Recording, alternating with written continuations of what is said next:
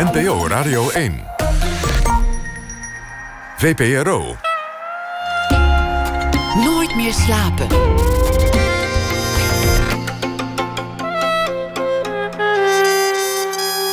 Met Pieter van der Wielen. Goedenacht en welkom bij Nooit meer slapen. Schrijven Eusjan Kiel schrijft elke nacht deze week een column bij de voorbije dag. Dat zal hij zo meteen laten horen na ene. Polle Vrienden van cabaretgezelschap Herman in een bakje geitenkwark komt op bezoek, ook na ene. En dan hoort u ook regisseur Espen Jort over zijn voorstelling Casino Non-Stop. Over zijn oom die ooit lang geleden het Variété-theater naar Noorwegen wist te brengen. We beginnen komend uur met Renske de Greef. Waarom ik mensen niet in mootjes hak, heet het uh, album. En uh, daarboven staat Renske stript.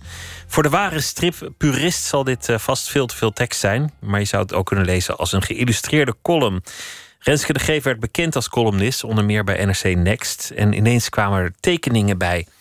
Renske de Geef, dat was toch iets met seks? Ja, zo begon het ooit, lang geleden, bij Spunk. Dat was het jongerenplatform van NRC, waar ze schijnbaar openhartige en grappige stukken schreef over seks. Daarna was ze dagelijks columnist, schreef ze ook romans, werkte mee aan een opera, muziekvoorstelling, bundelde stukken van Dr. P., schreef over Afrika en er schijnt zelfs ergens een kookboek te zijn. In dit stripalbum vindt ze haar eigen vorm. Ze is geestig, scherp en altijd bereid om elke conventie nog eens tegen het licht te houden. Renske de Geef werd geboren in 1984. Hartelijk welkom. Ja, dankjewel. Hoe is dat gegaan eigenlijk? Begon je gewoon in de kant, kantlijn te, te doedelen, te tekenen? Nee, nee, het is echt zo gegaan dat... Um, nou, ik schreef die dagelijkse column voor NRC Next. En op een gegeven moment uh, hield ik daarmee op. En toen ben ik op reis gegaan. En eenmaal op reis merkte ik dat ik wel heel veel zin had om aantekeningen te maken... maar helemaal geen zin meer had in schrijven en woorden. Omdat het toch na die paar jaar dagelijks column... ik had zoveel geproduceerd, zoveel woorden geschreven... dat ik uh, daar een beetje genoeg van had. Of in ieder geval dat dat toch iets meer me was gaan tegenstaan. En toen ben ik um, eigenlijk situaties die ik uh, uh, graag wilde herinneren... en die ik grappig vond, ben ik gaan schetsen. En uh, dat beviel heel erg. Omdat ik op een bepaalde manier iets kon vastleggen... maar er ook mijn eigen draai aan kon geven. En toen ik terugkwam van die reis...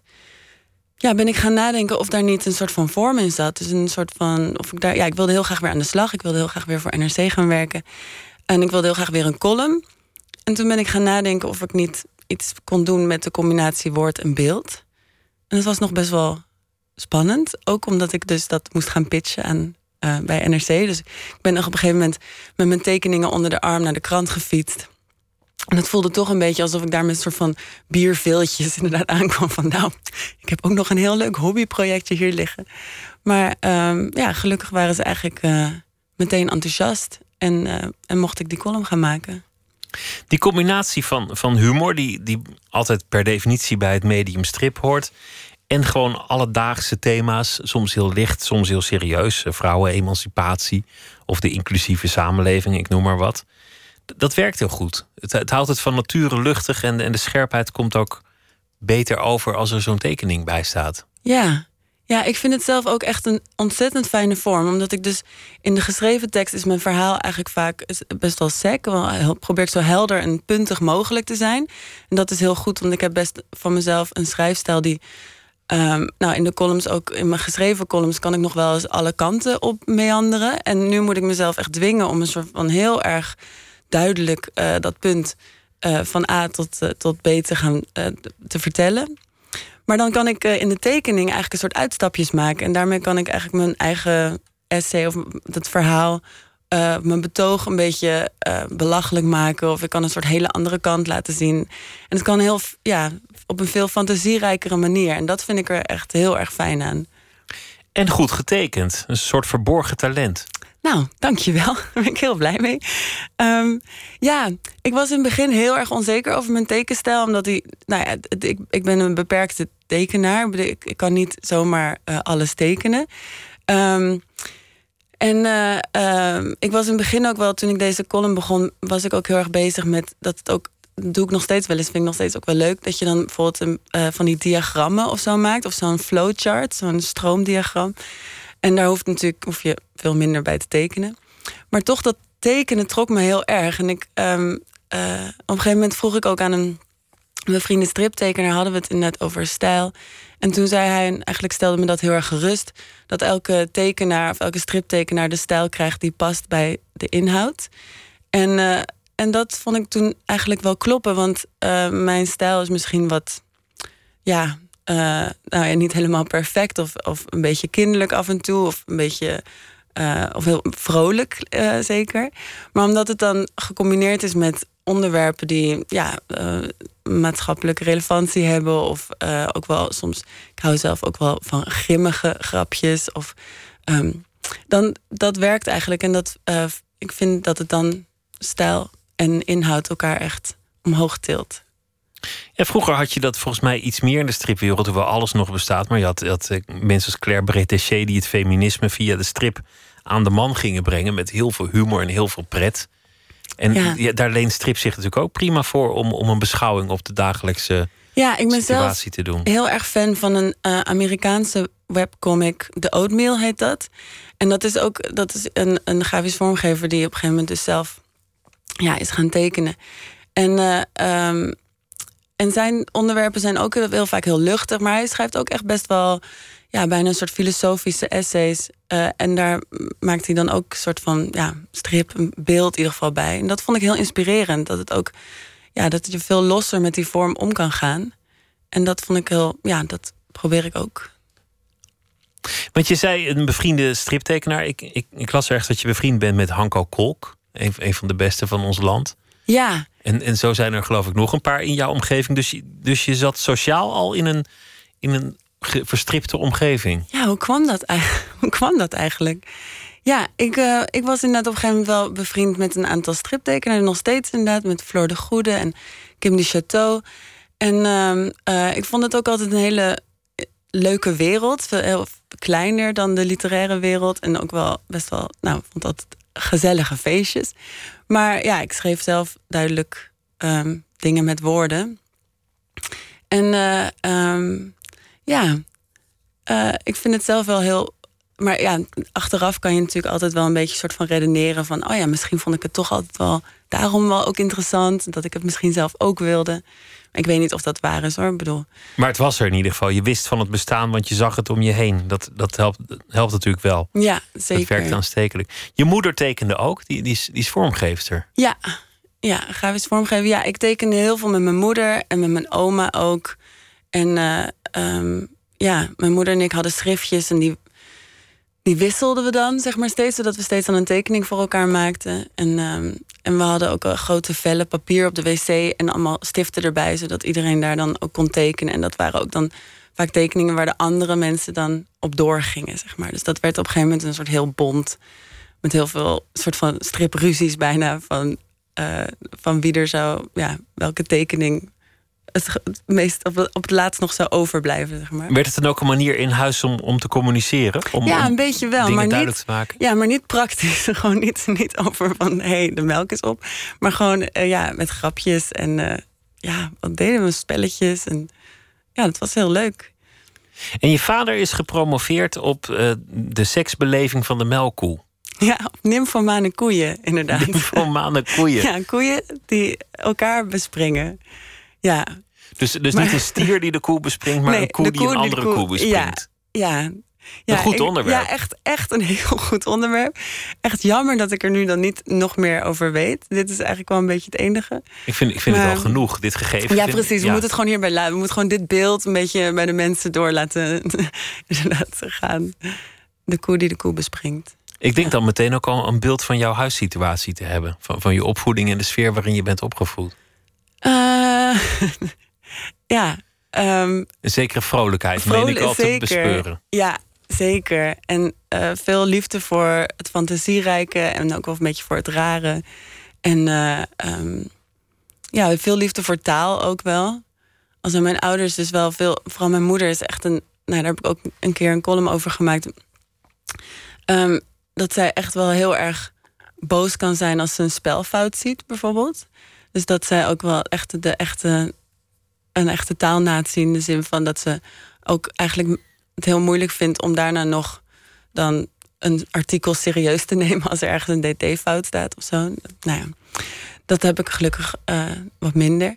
Nou ja, er was één, één stripper en je zei dat je het hebt afgeleerd omdat heel veel dingen stuk liepen. Omdat je bijvoorbeeld ook mensen op, op Tinder in de tijd waarin het van toepassing was, weigerde zodra er één spelfout ja, zich openbaarde.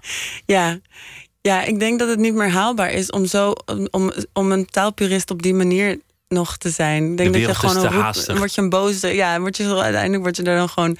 Ja, toch alleen maar gewoon een beetje boos. Alsof je alleen nog maar met je vuist schuddend in de hoek van de kamer uh, staat. Ik denk dat het niet meer, het is niet meer praktisch, niet handig.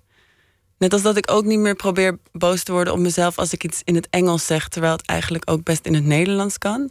Ik probeer wel zeker uh, te letten op taal en zeker als ik schrijf. Um, uh, gewoon mooie woorden te gebruiken, of in ieder geval uh, een bepaalde liefde heb ik daar zeker voor. Maar als ik iets in het Engels zeg, dan ja, het, ge het gebeurt soms. En geen, ja, mensen kunnen daar ook heel kwaad over worden. Maar je bent, je bent zonder meer een taalliefhebber. Ja, zeker. Ja. Op de middelbare school raakte je, raakte je weer vriend met Jan Hoek. En, en jullie samen waren de zonderlingen in, in de klas, klopt dat? Ja, ik denk het wel een beetje. Ik denk wel dat we elkaar vonden daarin ook. Um, ja, ja, Jan, die, ja, Jan die had sowieso een soort van heel. Uh, een soort van heel geheim, gaaf leven. Uh, met nou ja, hij had bijvoorbeeld, dat was in een van de eerste dingen die me vertelde. En dat vond ik meteen zo ontzettend leuk dat we echt daardoor al vrienden voor het leven werden. Hij had twee woestijnratten en iedereen in de klas, nou weet je, je hebt al huisdieren. Maar um, hij had dus twee woestijnratten en die had hij Brutus en Mormel genoemd. En ik vond het idee dus dat je een uh, huisdier ook een naam als Mormel kon geven, dat vond ik zo'n openbaring eigenlijk. Zo'n briljante gedachte in plaats van snuitje of vlekkie of mm, knoedeltje. Um, ja, dat nam me heel erg voor hem in. En, uh, en toen ja, zijn we vrienden geworden en gebleven. Jullie omarmden jullie zonderlingheid. Ja, ik denk het wel. Ik denk dat we onszelf niet per se als zonderling zagen hoor. Dat we niet soort van heel. Maar we, we vonden dezelfde dingen leuk. We vonden dezelfde dingen interessant. We vonden het heel leuk om ja, een soort van spelletjes te verzinnen. En uh, we maakten een soort van hoorspelen voor elkaar. En uh, ook tekeningen. Ja. Maar ook verstoppertje in de bijkorf. Ja, dat vonden we allemaal. Dat, dat deden we dan met elkaar. De creativiteit los, uh, losmaken bij elkaar. Hij is, hij is hier was de gast geweest vanwege een fotoproject. Ja. Waar, waarin hij waarin die veel doet. Jij schreef al op je zestiende. Ja. Echt serieus. Was je toen, was je toen elke dag al uh, gericht aan het schrijven of, of waren, waren het meer, meer vlodders? Um, nou, op mijn zestiende ging, um, ging ik bij Spunk, dus dat online jongeren magazine. En dat was, best, ja, dat was best wel serieus. Dat was gewoon elke week een vergadering en gewoon deadlines, stukken schrijven, uh, commentaar leveren op anderen in de vergadering, ideeën verzinnen. Dus ik was best wel gestructureerd al wel met schrijven bezig toen. Al was het wel nog steeds wel, ja, omdat je natuurlijk zo jong bent, was het nog steeds ook wel heel grappig en een soort van spielerij, omdat je, uh, ja, het was, ja, het had nog niet per se een heel duurzaam karakter dat je denkt van, oh, nu ben ik schrijver en nu wordt dit is, dit is mijn leven. Um, maar wat we deden was best, ja, dat was best wel um, serieus. Je kon ook al heel jong ervan leven. Althans, ja, ervan leven is natuurlijk een rekbaar begrip, maar er kwam al vrij snel geld uit. Ja, ja, ik heb, uh, ik heb nog een jaar gestudeerd en toen, uh, uh, toen kwam de bundeling van, de, van die, die eerste, dat eerste jaar columns uit. over, over liefde en relaties en seks ging dat. En toen mocht ik meteen, ja, meteen, toen mocht ik bij de morgen aan de slag als wekelijkse columnist. En toen ja, heb ik gekozen om dat te doen en te stoppen met studeren. En zo is het eigenlijk toen gewoon verder gegaan. Dat boek heeft ook goed verkocht. Het, het, boek over lust. Ja. Ik geloof zeven drukken inmiddels. Seks zelfs of zo, seks, ja. ja nou, een, een, een, jonge mooie vrouw van twintig die openhartig over seks schrijft. Dat, dat, dat, ja, dat Ja. is misschien ook marketingtechnisch eenvoudig. Nou ja, ja, ik weet het niet. Ik vond het dus wel zelf heel verrassend hoor. Want ehm, ik vond het helemaal. Wat, wat ik zelf heel. Wat ik zelf eh, belangrijk vond in die columns was dat het eh, eindelijk een keer vanuit een perspectief werd beschreven dat ik nog niet echt kende. Ik kende nog niet. Ik kende wel dat ik las wel eens over dingen met seks. En dat was dan vaak ehm, in een probleemsfeer. Of zeg maar op die manier van. Ja, het is prachtig. En het voelt alsof je een strand, op een strand rijdt op een galopperend paard met wapperende manen. En dan kom je tegelijkertijd klaar. En dan regenbogen spatten uit je gezicht. nou ja, en uh, dat, uh, dat herkende ik allemaal niet zo. Dus ik, ik wilde gewoon um, schrijven over wat ik zelf grappig en interessant vond aan, de, aan eigenlijk vooral de sociale codes rondom. Dat, ja. dat herken ik wel. Wij werden vroeger doodgegooid met, met mannen met baarden of, of pluizige mevrouwen die dan zeiden: We gaan over seks praten. en dat dan de hele klas in koor riep: Oh nee, gadverdamme, nu niet. Ja. Kun je het alsjeblieft niet over Shakespeare hebben? Jezus. Ja, dat, dat, was, dat was heel lang de sfeer. Seks werd helemaal ontsext door, door de mensen die voorlichting gaven. Ja, maar mijn columns waren ook absoluut niet sexy. Ik, ik weet wel, soms dachten mensen dat wel, maar dan kwamen ze toch wel een beetje bedrogen uit. Ik noemde toen ook, geloof ik, niet opwindend, maar afwindend of zoiets had ik ervoor bedacht. nou ja, ik weet niet, zoiets. Maar ze waren wel, ik heb ze vandaag teruggelezen, want oh. de bibliotheek bewaart alles. En zeer openhartig. Jazeker, ja. ja je, dat je was gaf wel... veel prijs van jezelf. Ja, maar dat hoorde er dan ook wel echt bij. Het was echt het idee van: oké, als ik dan dit uitgangspunt kies en dit, dit, dan vind ik het ook wel logisch. Dat is de volgende stap ook wel dat er een bepaalde eerlijkheid en ook wel een bepaalde pijnlijkheid dan ook wel in mag. Want anders is het weer zo um, uh, dat, dat verdoezelende gedoe. Dus um, ik besloot om columns te schrijven over wat ik interessant vond, wat mij verontwaardigde, wat ik raar vond. En, um, en ook wel wat ik gênant vond. En uh, dat was soms ook ja, best een beetje lastig. Maar ik redeneerde wel vaak dat als ik zelf een onderwerp moeilijk vond, of dat ik hem toch een soort van schroom voelde om het op te schrijven, dat ik het dan toch vaak wel deed om met het idee dat misschien andere mensen het wel zouden herkennen. En dat het daardoor ook wel uh, waarde zou krijgen. Dat was denk ik ook wel zo. Maar tegelijk vraag ik me ook af of het jeugdige onbezonnenheid was. Ja, natuurlijk. dat veel van die vragen nee, maar... die, die een volwassene zich zou stellen. Oh, mijn moeder leest dit ook of zo. Ja, dat je nou die ja, gewoon maar, nog niet ja. zo hebt. Nou, dat had ik natuurlijk wel. Want iedereen vroeg natuurlijk naar mijn ouders. Maar ik vond het wel heel fijn dat ik ook daar altijd wel eerlijk op kon antwoorden. Dat mijn ouders um, ja, gewoon trots waren dat ik iets deed waar ik, uh, wat ik leuk vond en waar ik ook wel goed in was. En um, het was natuurlijk echt heel erg mijn eigen stem. Ik koos zelf voor hoe ik, hoe ik uh, uh, die verhalen vertelde. Ik was zelf echt wel de regisseur van dit geheel. En daar konden ze alleen maar blij om zijn en trots op zijn. Ja. Toen, toen ik ze vandaag las, vroeg ik me ineens af of het ook misschien een, al een tijdsbeeld was. Want, want we hebben het inmiddels over, nou wat zal het zijn, uh, 13 jaar geleden.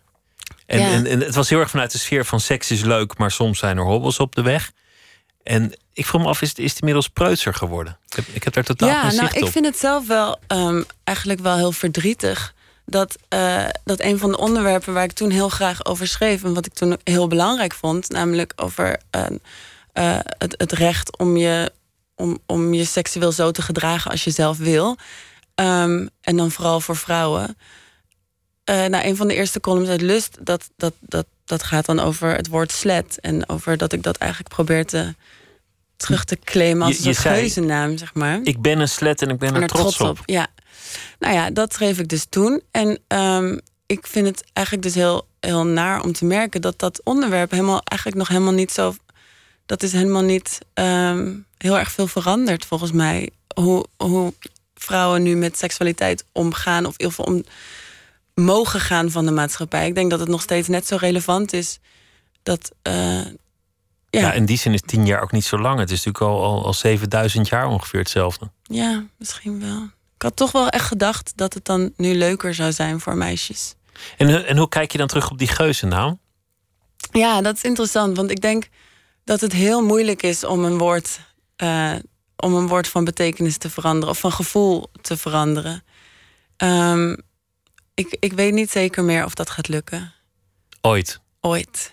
Maar ja, dan is het dus het, dan is het nieuwe doel van nou, zeg het dan maar niet meer. Uh, Verban ja. het woord dan maar helemaal. Ja, ja.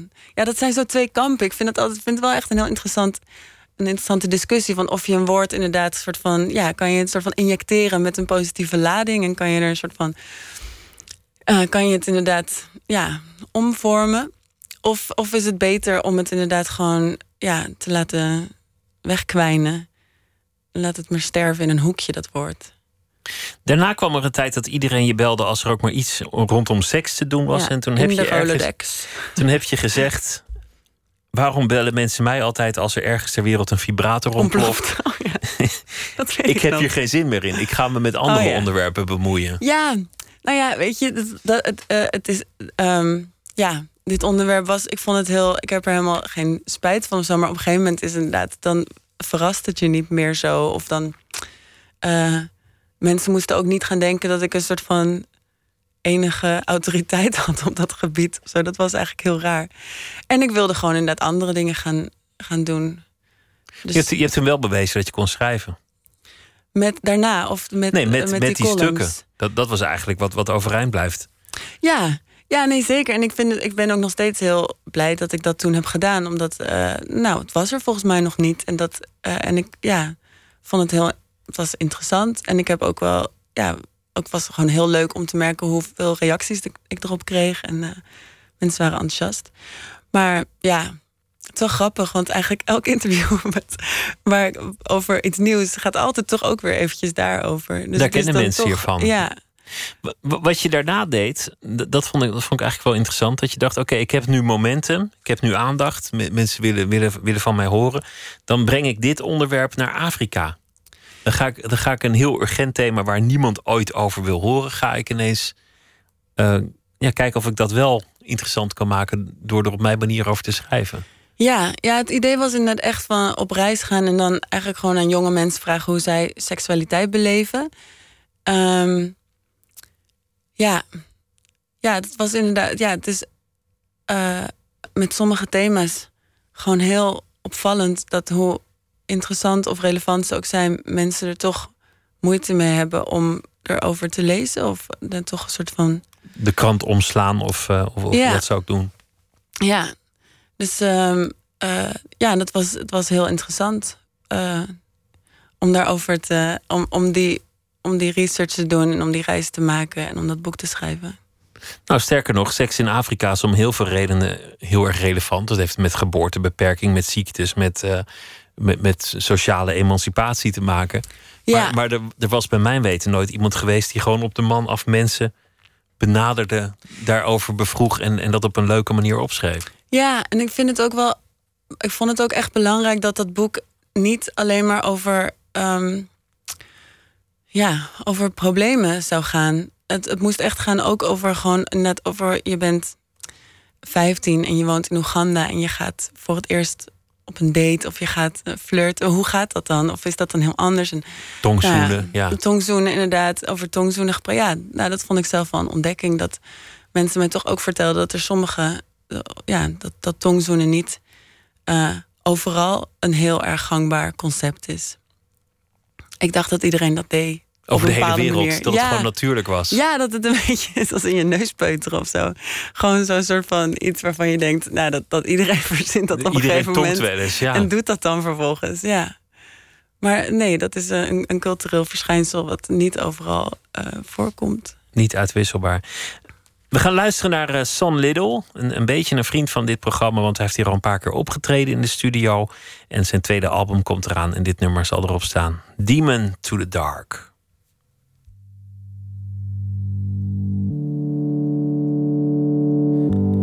I'm gonna beg for your forgiveness. I'm gonna do that from the start. I'm gonna need you as a witness. Though you may have a hardened heart, have I always been a sinner? And did the world pick me apart? Can I somehow be put together? Sometime today, cause life is short. Deacon Phillips, can you hear me? My dear old man, now are you there? I think my train is off the railing. Is there some way to get it clear? My heart, my God, is full of stars.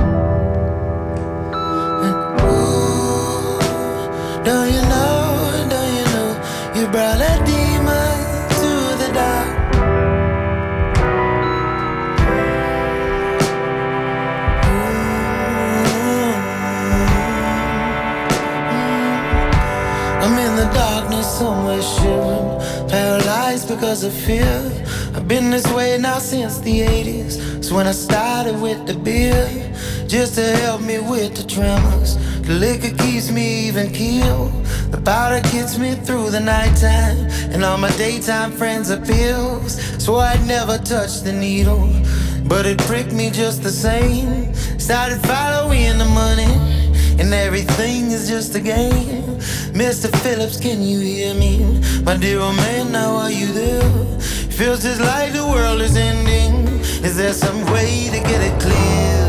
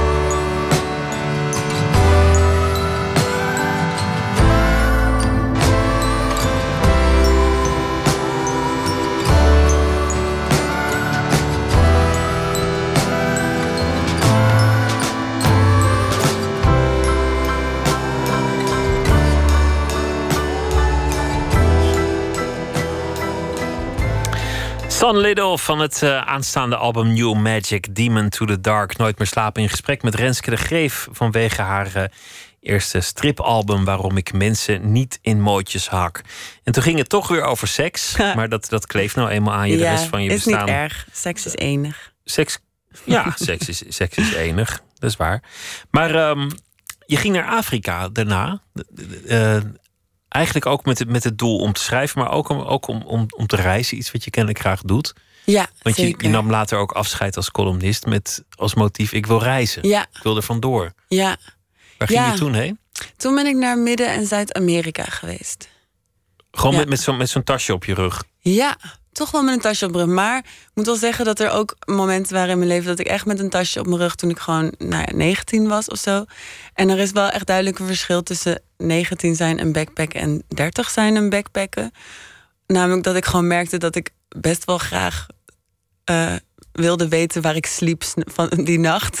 En dat ik het niet meer heel grappig vond om gewoon maar te liften en dan te kijken waar deze hooiwagen me naartoe ging brengen of zo. En dat ik gewoon, eh, ja, gewoon veel, veel minder leuk eigenlijk. Want veel minder avontuurlijk. Ehm, ja, dat je gewoon eh, merkt dat je behoefte. Nou ja, dit klinkt eigenlijk allemaal heel, eh, heel erg zeurderig. Maar dat je inderdaad toch een beetje. Dat die, die echt die totale spontaniteit van, de, van 19 en gewoon. Nou, ik ga gewoon kijken waar deze dag me brengt. Ja, dat, dat was, ik, was ik kwijt. Ik was oud en zuur geworden. Het ontbreken van een plan was er niet meer, terwijl het ook zijn charme had. Was, dat wel het geval toen je, toen je naar Afrika ging? Nou, ik ging toen naar eh, Tanzania met, met Jan. En ehm, ja, we hadden, ehm, ja, we hadden plannen om daar eh, misschien te gaan werken. Misschien samen een, een tijdschrift wilden we, wilden we gaan kijken of dat mogelijk was om daar een, misschien iets te gaan maken. Maar uiteindelijk zijn we daar vrij snel. Eh, hebben dat, dat plan vrij snel laten varen. Maar ben ik eh, begonnen aan een ander plan. eh na mijn tweede roman over de vrijwilligers scene daar. Want dat kwam je tegen, dat, dat, dat Ja. kwam op je pad. Ja, ik zat op een gegeven moment in een tuk-tuk. En die deel je wel eens met mensen. En toen kwam, stapte er een Britse jongen in. En die vertelde dat hij daar was om vrijwilligerswerk te doen. En dat hij een school aan het bouwen was. Maar dat, er was nog helemaal niks. En ze waren begonnen eh, met een greppel graven. Want eh, nou, hij zei ook dat hij nog nooit iets had gebouwd. Maar dat iemand had gezegd, nou, ga maar deze greppel graven. Dat hadden ze gedaan. En hij was ook heel erg aan het vertellen over hoe, hoe heet het was. En hoeveel zweet. En dat eigenlijk allemaal steeds schoolkinderen kwamen... om ze een beetje uit te lachen, zeg maar. Alle mensen die dus in de hitte daar aan het Zo, werk wie waren. gaat er nou op dit uur van de dag hier staan werken? En zij stonden daar zo een noest te graven. En, eh, en toen. ehm, ze hadden steeds het zand van de greppel hadden ze naast de greppel gelegd. En toen op een nacht eh, ging het heel hard regenen. En was al het zand dus weer de greppel in eh, gemodderd. En eh, ik vond dat dus wel eh, heel grappig eigenlijk. En ook wel een beetje, een beetje tragisch. Dat je, dat je een greppel, greppel uitgraaft die Nou, de dat je volgende dag weer vol ligt. ja, dat je duidelijk aan iets bent begonnen waar je helemaal geen verstand van hebt. De greppel van Sisyphus. En ja, een beetje wel. En dat je ook wel een beetje kan eh, afvragen of dit nou echt de meest zinnige ehm, manier was om je dag eh, daar eh, door te brengen of je tijd daar te spenderen. Dus, eh, dus dat was eigenlijk de, het, de, de anekdote waarmee ik in dit, deze eh, materie belandde. Want ik kwam er ja, toen achter dat. Ja, sowieso Tanzania, niet waar ik woon in Dar es Salaam, maar je hebt een andere plek, een, eh, meer in het zuiden van Tanz of noorden van Tanzania, in Arusha. En eh, daar, dat is een soort vrijwilligershemel. Daar, daar, gaan, daar zijn zoveel projecten en er zijn zoveel ehm, ja, weeshuizen en bouwprojecten en allemaal ja, dingen die je daar kan doen. En ehm, ik ben er dus naartoe gegaan om dat te bekijken. En ik vond het wel een heel, ja, het is gewoon een hele bizarre wereld. Dat er van over de hele wereld jonge eh, westerlingen komen ehm, met het idee om goed te doen. Soms ook wel echt heel erg gemeend en soms gewoon ietsje, ja, ietsje nonchalanter misschien. Die vaak heel erg veel geld betalen om, zo, om vrijwilligerswerk te mogen doen. Dus, dus dat En- is eigenlijk ook al een industrie geworden. Het is echt een, ja, ze noemen het ook voluntourism. En het is echt een, eh, ja, een vrijwilligersindustrie waar gewoon heel veel geld mee verdiend wordt. Dus ja, dat gaat nooit zomaar ophouden ook daardoor.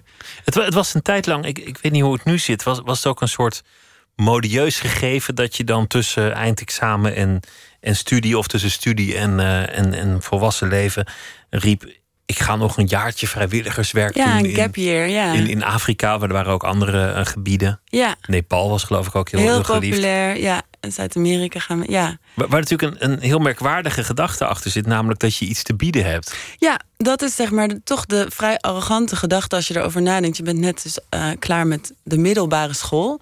En vervolgens denk je dus dat je eh, werk kan gaan doen als hulpverlener, als docent. Eh, in een weeshuis gaan werken met kinderen die nou, dingen hebben meegemaakt. Eh, Het is een hele gekke gedachte. En ook die weeshuizen, ja. Ja, er waren wel ook bijvoorbeeld echt wel verhalen van. eh, ehm, ja, dat, dat de, vrijwilligers elkaar natuurlijk heel snel opvolgen. Dus ze zijn er maar een paar weken. En ja, of dat nou echt heel erg verstandig is om kinderen misschien enige hechtingsproblematiek, om daar dan. Ja, het was, het was een hele fascinerende wereld. En ik vond het ook heel grappig dat ook weer op de andere manier dingen veranderden op die plekken. Bijvoorbeeld, eh, op een gegeven moment vertelde iemand aan mij dat eh, veel eh, meisjes die daar dan kwamen, dat die wel ehm, een Maasai-vriendje wilden. Dat vonden ze dan leuk. En eh, die jongen die mij dat vertelde, vertelde dus dat, zij, dat, dat hij en zijn vrienden dus gewoon de hele tijd verkleed als Maasai naar de disco's gingen. Om dan een meisje op te pikken. Dus eh, het werd gewoon een soort van hele rare stru- constructie. waarin eigenlijk iedereen een soort van ja, beeld van elkaar heeft. Ook, Wat ook echt pijnlijk. nergens. Ja, ontzettend pijnlijk natuurlijk. En, eh, en ook wel, ja, ik denk uiteindelijk dat het ook wel ehm, dat het echt heel goed is om, om deze, dit, deze industrie en dit, dit verlangen ook wel eh, niet met een te roze bril te bekijken, maar gewoon echt kritisch kijken naar Want ik, wat ik, je nou echt doet daar en of dat Ik- ook schadelijk bij- kan zijn. In, in jouw boek was, was het dat, dat, je beschrijft dat er op een gegeven moment mensen voor wees worden gehouden die helemaal geen wees zijn, omdat er anders een gebrek aan wezen is en dan heb je geen vrijwilligers nodig. En Ja. daar verdien je net zo lekker aan. Dus dan werden kinderen die nog gewoon bij de ouders hadden even voor wees uitgegeven. Ja, ja, en er zijn nu ook een paar documentaires. Volgens mij eentje over Cambodja, waar ook dit, dit gegeven in voorkomt. Dus het is echt dan ja, iets wat vaker voorkomt, blijkbaar. En uh, ja, het is ultiem pijnlijk natuurlijk. Het grote cliché is dat je, dat je dan terugkomt en zegt. Ik, ik heb in, in Afrika echt het leven leren kennen. Of ik, ik weet nu zoveel van de wereld. Of mijn blik is geopend. Ik was in de Albert Heijn ik kon geen pindakaas meer kopen. Want er is zoveel. Dat toch? Ja. ja. Had jij dat ook? Kwam, kwam je terug als een, als een gelouterd of, uh, of, of veranderd mens? Oeh, um, nee, ik geloof het niet. Ja, ik heb gewoon heel veel. Uh, uh, Nee, ik geloof wel dat ik, ik, ik vond het gewoon heel interessant om, om research te doen voor mijn boek. En om gewoon die hele wereld in te duiken. Ik hou heel erg van subculturen. Dus ik vind het gewoon heel fijn om dan zo helemaal zo'n wereld in te gaan. Heel veel mensen te spreken. En, um, en die sociale codes eigenlijk ook weer soort van proberen te doorgronden. Um, maar ik had niet. Nee, ja, ik vond het wel. Het was gewoon. Het was een hele rare tijd. Want ik heb dus een tijdje in, in Dar es Salaam gewoond. En uh, um, ik had bijvoorbeeld een heel groot, ik kon een heel groot huis huren, maar uh, dat was wel ongemeubileerd. En um, ja, ik was gewoon natuurlijk ook een beetje naïef. Ik dacht bijvoorbeeld dat je dan wel iets, iets zou, ja, in Nederland is het denk ik niet zo heel erg moeilijk als je gewoon een lege kamer hebt.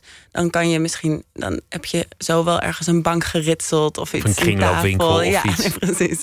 Nou, in, in waar ik woonde in Dar es Salaam waren alle meubels prachtig uh, handgemaakte houten meubelen die ook gewoon allemaal heel duur waren. Dus die kon ik allemaal niet betalen. Dus uiteindelijk had ik een heel groot leeg huis en denk een paar plastic tuinstoelen en een plastic tafel en dat, dat en een matras om op te slapen. Um, nou ja, dat is wel een beetje een soort surrealistische situatie. Um, en het was, het was wel een, een tijd waarin ik, waarin ik bijvoorbeeld heel veel over geld nadacht. Uh, omdat het zo duidelijk was dat ik het had en sommige mensen minder. En, uh, en of, dat dan, of dat dan bijvoorbeeld vriendschap in de weg staat. Of wanneer je kan spreken van een echte vriendschap. En, uh, want ik had bijvoorbeeld wel echt een paar mensen daar die ik echt vrienden noemde. Die ook gewoon heel erg graag wilden dat ik cadeautjes voor ze kocht, heel vaak. Um, dat staat, toch, dat, dat staat toch alles in de weg misschien? Ja, maar misschien ook niet. Misschien kan je dus ook gewoon wel echt vrienden zijn. En ook gewoon die ongelijkheid steeds, dat dat gewoon blijft. En dat, en dat je dus dan gewoon af en toe ja, cadeautjes koopt voor iemand. En dat dat niet per se dus op die manier... dat het niet per se op die manier dus gelijkwaardig is. De grote test zou zijn als het geld op is. Ja. Daar heeft Billie Holiday mooie liedjes over geschreven. Dat dan, dat dan niemand ooit nog aanbelt. Ja, nou ja, ja. Ik, ik, ja. Het was natuurlijk een, heel, een hele rare, specifieke situatie. En ik, kan, ik had ook eerst wel een beetje het idee dat als ik er langer zou blijven, dat ik dan het steeds beter zou begrijpen allemaal. En dat was eigenlijk andersom. Uh, als je net aankomt, denk je nog van, oh, doe ik allemaal even, snap, snap ik. Het. Ja, ik got this. En na een tijdje was het gewoon duidelijk dat ik, uh, dat ik, uh, ja, dat ik echt heel veel, heel veel dingen niet begreep. En ook, ja, faux pas. Dat ik gewoon soms domme dingen deed. En ja. Er zit toch wel een idealist in jou, maar, maar in je columns waak je er altijd voor om, om die er altijd dik bovenop te leggen. Ja. Je, je, zult niet snel de columnist zijn met het vingertje of, of, uh, of, of, de verontwaardiging. Dat, dat is niet, niet nee. jouw stijl. Nee, ik denk, um, maar ik vind het een heel. Dat is een, een, een, een heikel en ook wel daardoor uh, leuk punt van hoe je eigenlijk, hoe je kan je het beste een idee overbrengen bij mensen. Van hoe, als je echt, echt, echt hoopt dat iemand naar je luistert of er, iets, uh, of er iets mee gaat doen. Van wat is dan de beste manier? En um, ik vind het zelf. Um, uh, ik, ik, probeer mijn eigen idealen en principes altijd heel erg te onderzoeken. En ook wel onder de loep te nemen van. Um, ja, wat ik er dan echt mee wil. En hoe, in hoeverre ik ook bereid ben om offers bijvoorbeeld ervoor te, te plegen, hoe zeg je Te brengen. brengen. Um, en in mijn, in mijn strips wil ik dat dan ook overbrengen. Maar ja, ik denk dus dat het niet werkt om mensen te veel tegen de haren in te strijken. Maar tegelijkertijd weet ik ook niet zo heel goed hoe het wel het allerbeste werkt. Ik merk gewoon dat mensen heel kwaad worden snel van het hele concept idealen eigenlijk en principes. Omdat mensen gewoon niet mensen heel snel aangevallen voelen en zich snel uh, het gevoel dat, je, dat de ander, dus ik dan in dit geval, een soort morele superioriteit of zo uitstraal. Want jij bent vegetariër bijvoorbeeld, of, of veganist nou, zelfs, Ja, ik heb een soort rare, ik heb een rare constructie voor mezelf bedacht. Dit is dus het schipperen met idealen, wat ik nu ga demonstreren. Um, ik ben dus uh, thuis, eet ik veganistisch. En buitenshuis ben ik van het padje af, uh, zeg maar. En, en, eet je dan elke avond buitenshuis? Of, of nee, dat, nee, dat is echt niet waar. Okay. En nee, het, eigenlijk gaat het heel erg goed, vind ik zelf. Ik vind het een hele. Ik ben zelf uh, echt heel, best wel gelukkig met deze uh, regeling. Omdat ik. Um, omdat je thuis, nou ja, het is heel makkelijk om voor jezelf iets te kiezen en voor jezelf uh, ja, te koken en boodschappen te doen. En dan hoef je ook niemand te belasten ermee. Maar dan, als je dan bij vrienden gaat eten, dan, ja, dan, dan kan je gewoon uh, hoef je niet moeilijk te doen, zeg maar. Nou ja, dit, dit, dit hou je heel leuk aan in je strip. Oh, oh de reacties op, op, op uh, vlees eten of niet vlees eten. Ja, en, dat thema komt. heel raar als het over vlees gaat. Alsof ze een soort van, toch een beetje een soort van levenskracht eruit halen of zo. Ik weet niet, een soort heel raar. Dat ze mannelijke waarden moeten afleggen zodra ze een biefstuk missen. Ja, ja, zoiets. Het is heel dat rare macho en vlees en eh, maar grote stukken dingen grillen. En, en dat heel gek eigenlijk hoe dat zo. Ja, van, dat, dat we daar nog steeds ergens een beetje in geloven. Maar het is ook wel dat mensen het gewoon fijn vinden om een beetje tegen draad te zijn en zo. Het is zo, het is zo, wordt zo snel van oh, dat uh, tuttige gedoe met, met het hele tijd goed zijn en verantwoord en uh, zo een heilig boontje, dat. En dan vinden mensen het leuk om dan van lekker als duiveltje van haha, ik eet lekker spare ribs. En, uh, en daar weet ik dus niet zo goed hoe ik mee om moet gaan. Want maar volgens mij doe je dat in je stukken wel leuk door dat, door dat te bevragen, door jezelf ook op de hak te nemen, door humor te gebruiken en niet door, door elke column de, de holocaust nee, met, de, met de varkenshouderij te vergelijken. Nou, ik denk sowieso, ik vind humor zo. Ik, ik wil gewoon eigenlijk in elke strip wil ik gewoon grapjes maken.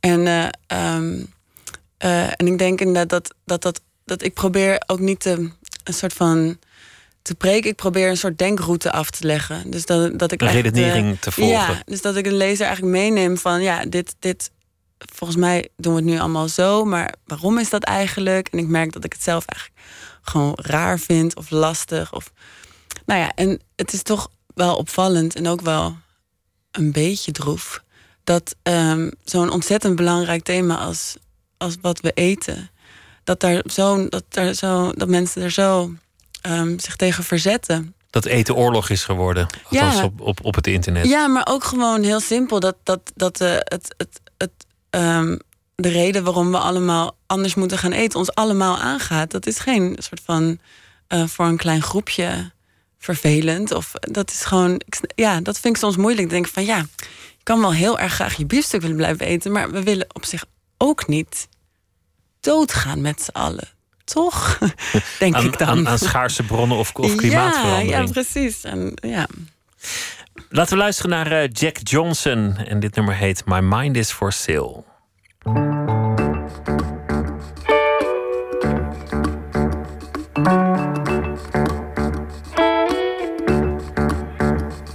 Well, I heard the blinkers on, I heard we're changing lanes, I heard he likes to race.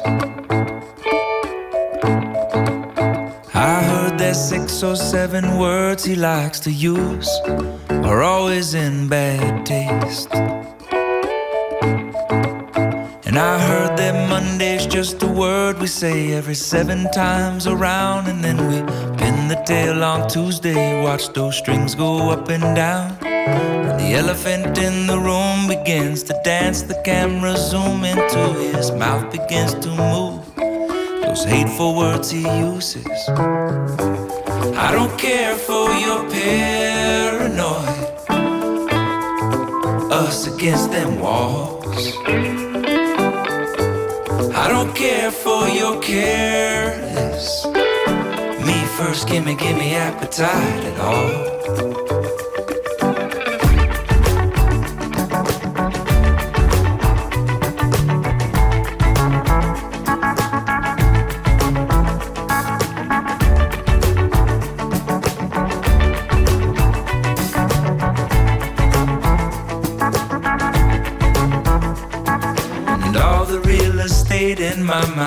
For sale, it's all been subdivided.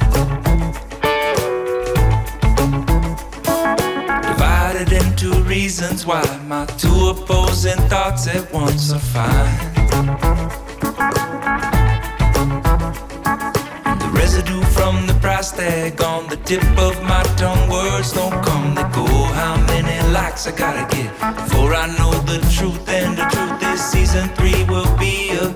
reason to forget all about reality's a slippery slope. Watch the TV scream and shout. I don't care for your paranoid, us against them fearful kind of walls. I don't care for your careless. Me first, gimme, gimme appetite at all.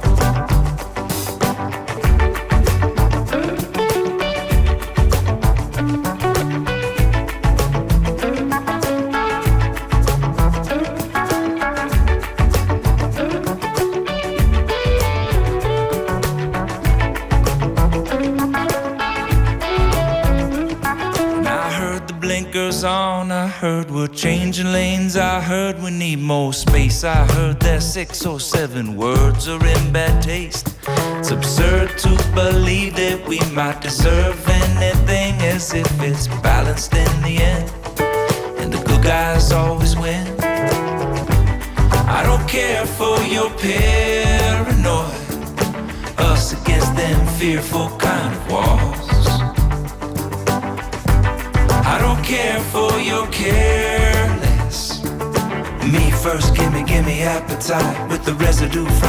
the price on those two opposing thoughts in my mind. Us against them fearful kind of walls.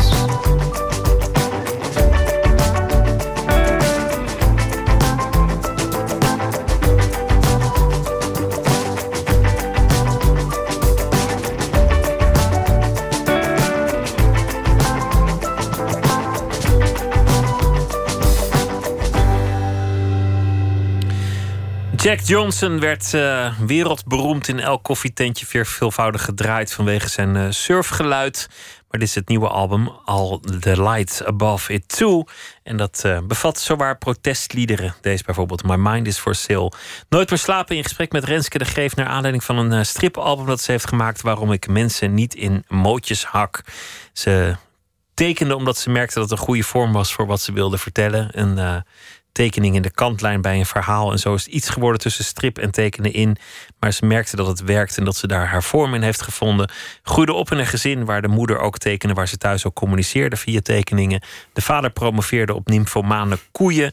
Zelf uh, ontdekte ze samen met fotograaf Jan Hoek, die later fotograaf zou worden op de middelbare school, de creativiteit. Ging schrijven over seks, dat wordt er nog steeds nagedragen. Het gaat in ieder interview toch altijd ook even over seks. Maar via de seks werd ze columnist, onder meer bij De Morgen en later bij NRC Next. En uh, ze schreef over Afrika, waar ze ook zelf heeft rondgereisd. En uh, stuitte op het vrijwilligerscircus dat haar interesseerde.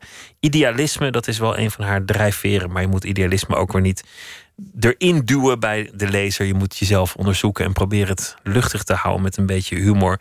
En we hadden het erover dat uh, mensen nog wel eens een beetje agressief kunnen reageren op idealen in het algemeen. Want idealen die staan ook automatisch voor corruptie waarschijnlijk en voor gepreken en, en dat soort dingen. Ja, voor iets wat jij misschien dus niet goed doet.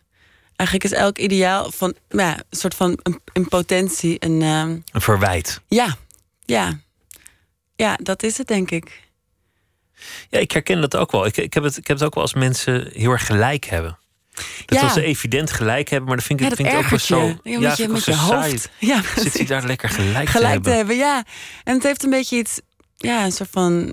Uh, ja, dat brave. Dat het inderdaad gewoon ergens leuker is om een beetje van regels te breken en uh, doen wat je zelf wil. Of uh, soort ja, anarchisme of een soort van bonte geest. Terwijl ja, ik denk dat dat helemaal niet.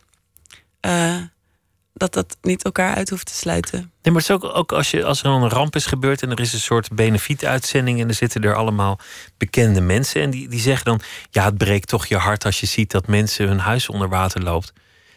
En dat is natuurlijk ook zo. en, en dat breekt ook vast wel je hart. Maar het, het irriteert ook mateloos als iemand die open deur nog even intrapt. Ja. Ja, het- ja. ja, ik denk dat het. um, um, eh, ja, wat zou dat zijn inderdaad? Dat er toch in een soort van een duiveltje in je. eh, eh, geen, geen zin heeft in, in medeleven of in, in helpen. Of ja, een soort van. Ja, of misschien dat degene die het zegt daarmee ook, ook zichzelf een soort aureool aanmeet van een soort moeder Teresa. Terwijl je Ja, het heilige, eigenlijk niks hebt gedaan behalve een open deur. Alleen maar het gezegd hebben. ja, precies. Ja.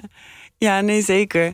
Het is natuurlijk ook gewoon wel fijner met dingen als eh, principes of idealen. Is het gewoon fijn als mensen een beetje, ja, gewoon vertellen wat ze zelf proberen te doen ook. Toch? Van, van, van ja, ook al is het maar ja, iets sufs of kleins. Maar ik vind het zelf wel interessant om van mijn vrienden te horen hoe zij ermee omgaan met, met hoe ze proberen eh, beter met de planeet om te gaan. En hoe ze, nou ja, van eh, afval scheiden tot eh, dat ze niet meer vliegen of zo. Dan, dan voeg je in ieder geval nog een daad bij een woord. Dat, ja. Ja, en dat, kan, dat is ook inspirerender vaak. Dan denk je van, oh, nou, ik zou ook wel eens mijn afval kunnen scheiden. Nou, dat, dat doe ik hoor. Maar de, ja, dat je dat dan misschien denkt. Dat je, dat je daar ook, dat dat, ja, het is soms fijner, zeker ook in een, ehm, eh, een complexe wereld waarin problemen heel erg groot zijn. Om toch fijn als mensen laten zien hoe ze in ieder geval op hun eigen persoonlijke, hun eigen omgeving daarmee omgaan. in ieder geval niet het slechte doen is wellicht iets. Je, je hebt veel dingen gedaan. Want, want ik, ik had het over, over een, een voorstelling die je hebt gemaakt. Ik, ik had het over een kookboek dat onderweg nog ergens is verschenen. Eh, romanschrijver ben je ook nog eh, geweest of ben je nog steeds? Ik weet eigenlijk niet hoe dat, hoe dat ik weet precies ook niet hoe dat telt. hoe lang Maar- mag je dat blijven? Maar je hebt, je hebt eh, Verloop mijn abonnement al, ja. één roman geschreven, of twee, Twee, romans. ja, twee romans. Maar ja, nou ja, dat is wel een tijdje geleden. Maar dat, het is een beetje een wonderlijke loopbaan geworden Ja, misschien wel. tot nu toe. Ehm, ja, veel vormen in ieder geval. Ik vind het zelf, ja, ik denk dat ik wel, eh, wel eh, ook wel zoek naar verschillende vormen of disciplines en dat ik dat ook interessant vind. Ehm, maar eh, ja, mijn, mijn thema's of de dingen die ik, die ik, waar ik van aanga of waar mijn gedachten bij blijven haken, die, die vind ik nog best wel ergens wel een beetje eh, overeenkomen. Daar zie ik nog wel een soort van lijn. het, komt, het komt inhoudelijk allemaal vanaf dezelfde plek en de vorm die het. Aanneemt is elke keer anders. Ja, het heeft zeker veel met fantasie te maken. Of met een soort van. En met die fantasierijkheid. En ook wel. En met humor. En, eh, en sociale codes. eh, subculturen. Hoe, ja, en ook hoe te leven of zo. Dat is een mooie vraag, hoe te leven. Ja, ja. Ja, weet jij het, weet ik het. Ja. Nee. Je, je, raakte bevriend met dokter Anders P. eh, op, op relatief hoge leeftijd voor hem. Ehm, je, je hebt een bundel gemaakt van, van zijn stukken. Ja, een bloemlezing, ja. En, maar, maar jullie hadden echt een, een, een klik. Er, er sloeg iets aan. Er was een soort herkenning bij Ja. jullie beiden. Ja, wel echt een vriendschap. En we hebben ook eh, we hebben best wel een aantal jaar gecorrespondeerd en, en ook wel afgesproken. Dan gingen we witte wijn drinken en eh menthol-sigaretten roken in het Pulitzer Hotel. En ehm, ja, en bijvoorbeeld Dr. Hans B. was ook iemand die zei van dat, dat reizen de beste manier is om je tijd en geld aan eh, te spenderen. En daar was ik het dan heel erg mee eens. En dan gingen we eigenlijk hadden we het voornamelijk over reizen en over taal. Dat waren echt wel de twee onderwerpen. Die jullie deelden. Ja, en dan, en dan wilde ik, probeerde ik hem eigenlijk altijd een beetje te eh, verrassen met iets. En dan bijvoorbeeld, ik had dan een heel klein beetje in, in Tanzania een heel klein beetje Swahili geleerd, bijvoorbeeld. En dat was dan een taal die hij niet zo goed kende. En dan probeerde ik dan eh, met anekdotes over het Swahili hem aan het lachen te krijgen. Terwijl jullie zo anders zijn en zulke andere dingen doen, herkende ik wel iets van de, de humor van dokter Anders P. in, in je stripboek. Ah, Ik dacht, ja, ik, ik snap leuk. wel waarom hij dat leuk vond en ook wel waarom jij zijn werk dan weer leuk vindt. Ja, heel, ook, zijn werk is ook heel, ehm, ook heel fantasierijk en een beetje gruwelijk natuurlijk. En, eh, en ook heel erg ja, zo tong in cheek. En eh, ja, ik, vond dat, ik vind dat heel, heel erg goed. Ja, heel gaaf. Wat hij heeft gedaan.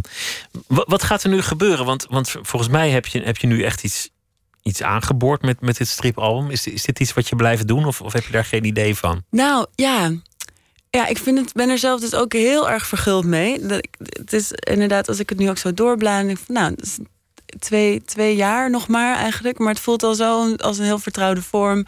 Dus ik hoop zeker hier heel lang mee door te gaan. En um, ik merk ook dat als ik nu een opdracht krijg, dat ik dan eigenlijk altijd denk van, maar zou ik er misschien ook bij kunnen tekenen? Dus dat, uh, dat probeer ik ook zeker. En ik kan me ook wel voorstellen dat misschien er een keertje een, uh, een, een boek met een langer verhaal komt met beeld erin. Dus een echt. Een graphic novel-achtig, graphic memoir. Ja, dat, dat, zulke soort, dat ben ik nu ook wel meer aan het lezen. En dat vind ik wel heel uh, mooi. Heel veel werk voor heel weinig geld, helaas, in Nederland. De, de, de stripwereld. In die zin had je Ja, beter iets, anders Standaard. kunnen bedenken. Ja, shit. Eh, adv- advocaat of eh, Ja, vleeshandelaar. Weer Nou ja. mislukt. Nou, ik wens je heel veel ehm, succes met, eh, met alles wat je gaat doen en met het tekenen. En, en het was me genoeg hier, hier te hebben. Ja, ik vond het ook heel leuk. Waarom ik mensen niet in mootjes hak, is de titel. En dat gaat dan over, eh, over religie. Dat de moraal niet altijd een anker in het hiernamaals hoeft te hebben. Ja. Dat je uit jezelf ook best het goede kunt doen. Renske de Greef, dank je wel. En eh, heel veel plezier nog. Dank je. En zometeen gaan we verder met eh, Nooit meer slapen. Polle Vrienden komt op bezoek in de rubriek Open Kaart. Hij is een van de leden van het gezelschap Herman in een bakje geitenkwark. En ze hebben een nieuwe voorstelling verplicht spelen. Eusjan Akil die zal een verhaal maken bij de afgelopen dag. En eh, we gaan ook praten met Espen Jort over zijn voorstelling Casino Non-Stop. Over zijn eigenzinnige oom Max, die in 1933 het theater begon in Oslo. Dat allemaal zometeen. Twitter, het VPRO NMS. We zitten op Facebook en u kunt zich abonneren op de podcast via iTunes of de site van de VPRO. vpro.nl slash nooit meer slapen.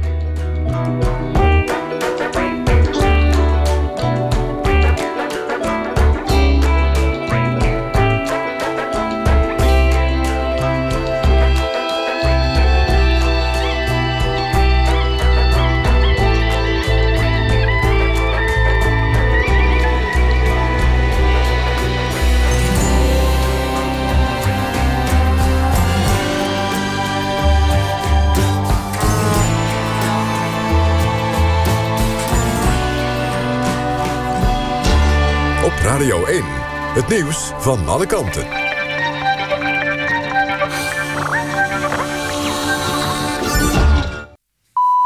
1 uur, Ewout de Jong met het NOS-journaal. Orkaan Maria is op weg naar Saba en Sint Eustatius uitgegroeid tot een orkaan van de vierde categorie, met windsnelheden tot 240 km per uur. De orkaan bereikt in de loop van de ochtend Nederlandse tijd de bovenwindse eilanden, maar het oog van Maria zal waarschijnlijk ten zuiden van Saba en Sint Eustatius passeren. De eilanden krijgen daardoor niet de volle laag. Sint Maarten krijgt vooral veel regen. De grootste impact wordt verwacht in het gebied waar onder meer Guadeloupe, Dominica, Martinique en Montserrat liggen. In Dalfsen hebben zo'n 250 mensen de eerste informatieavond bijgewoond... over de toekomstige vliegroutes van en naar Lelystad Airport. Het vliegveld wordt verbouwd tot regionale luchthaven... en moet vanaf 2019 onder meer vakantievluchten overnemen van Schiphol... dat aan de grenzen van zijn groei zit.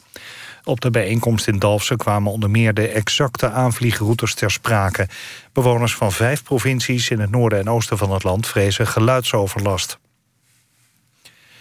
Spanje zet de ambassadeur van Noord-Korea het land uit. Hij is tot persona non grata verklaard. Aanleiding zijn de vele rakettesten en kernproeven van Noord-Korea. Spanje volgt met het besluit Kuwait en Mexico. Noord-Korea heeft in een aantal Europese landen een ambassade, niet in Nederland. Van alle kanten is verslagen gereageerd op het besluit van de Amsterdamse burgemeester Van der Laan om per direct het werk neer te leggen. Van der Laan heeft al enige tijd longkanker en zegt in een open brief aan alle Amsterdammers dat hij is uitbehandeld. Onder meer zijn PvdA-partijgenoten Ascher en Plasterk zijn aangeslagen en verdrietig. En eerder sprak premier Rutte zijn bewondering uit voor de moed en openheid van Eberhard van der Laan. Het weer, landinwaarts vannacht vrijwel windstil... met nevel en mist en minima tussen 4 en 7 graden. Aan de kust blijft een bui mogelijk. Ochtends trekt de mist soms langzaam op. Daarna wisselend bewolkt en een enkele bui. Het wordt een graad of 16 en er staat een zwak tot matige noordwestelijke wind. Dit was het NOS Journaal. NPO Radio 1. VPRO. Nooit meer slapen.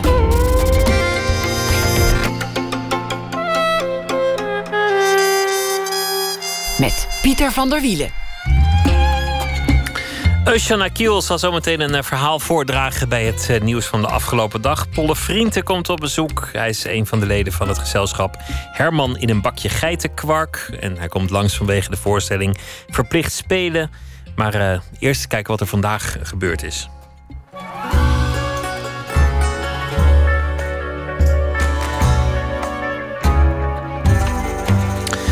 De Nederlandse filmmaker Ate de Jong is uh, gekozen tot Artist in Residence op het Raindance Filmfestival.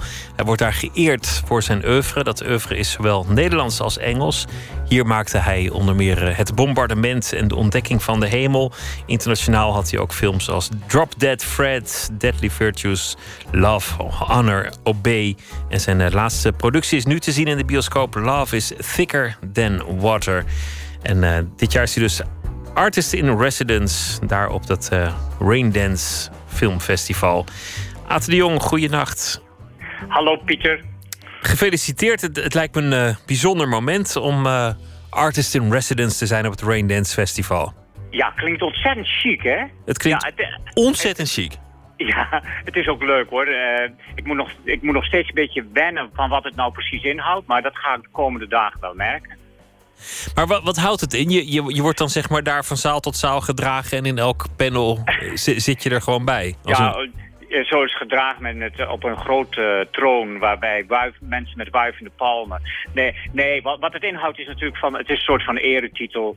Uh, er zijn, ze geven drie speciale, nou ja, ik weet niet of het prijzen zijn, want het zijn je, je, een soort van uh, ja, een soort van hommages zijn het eigenlijk. De ene is de auteur van het, van het jaar, dat is uh, Guy Ritchie. De andere is de filmmaker van het jaar, dat is uh, Ken Loach.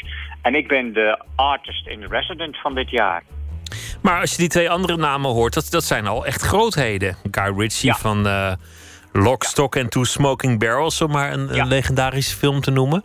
Ja, absoluut. Ja. En Sherlock Holmes. En hij heeft nu net King Arthur gemaakt. En uh, ja, Ken Loach is natuurlijk sowieso fenomenaal. Want die heeft toch wel een heel speciaal oeuvre. Maar dat vinden zij dus... Het klinkt ontzettend erg, maar dat vinden ze dat ik dat ook gedaan heb.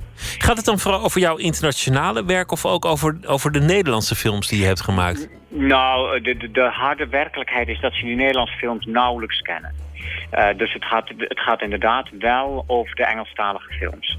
Vooral, hè, want ze weten dat ik Nederlandse films gemaakt heb, maar die kennen ze bijna niet.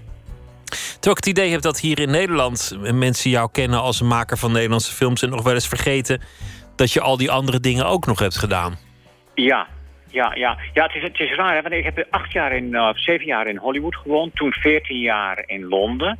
En dus zeg maar een kleine 22 jaar hij heeft vooral films in het buitenland gemaakt. Dus Engelstalige films, Miami Vice en Drop Dead Fred was natuurlijk een heel groot succes.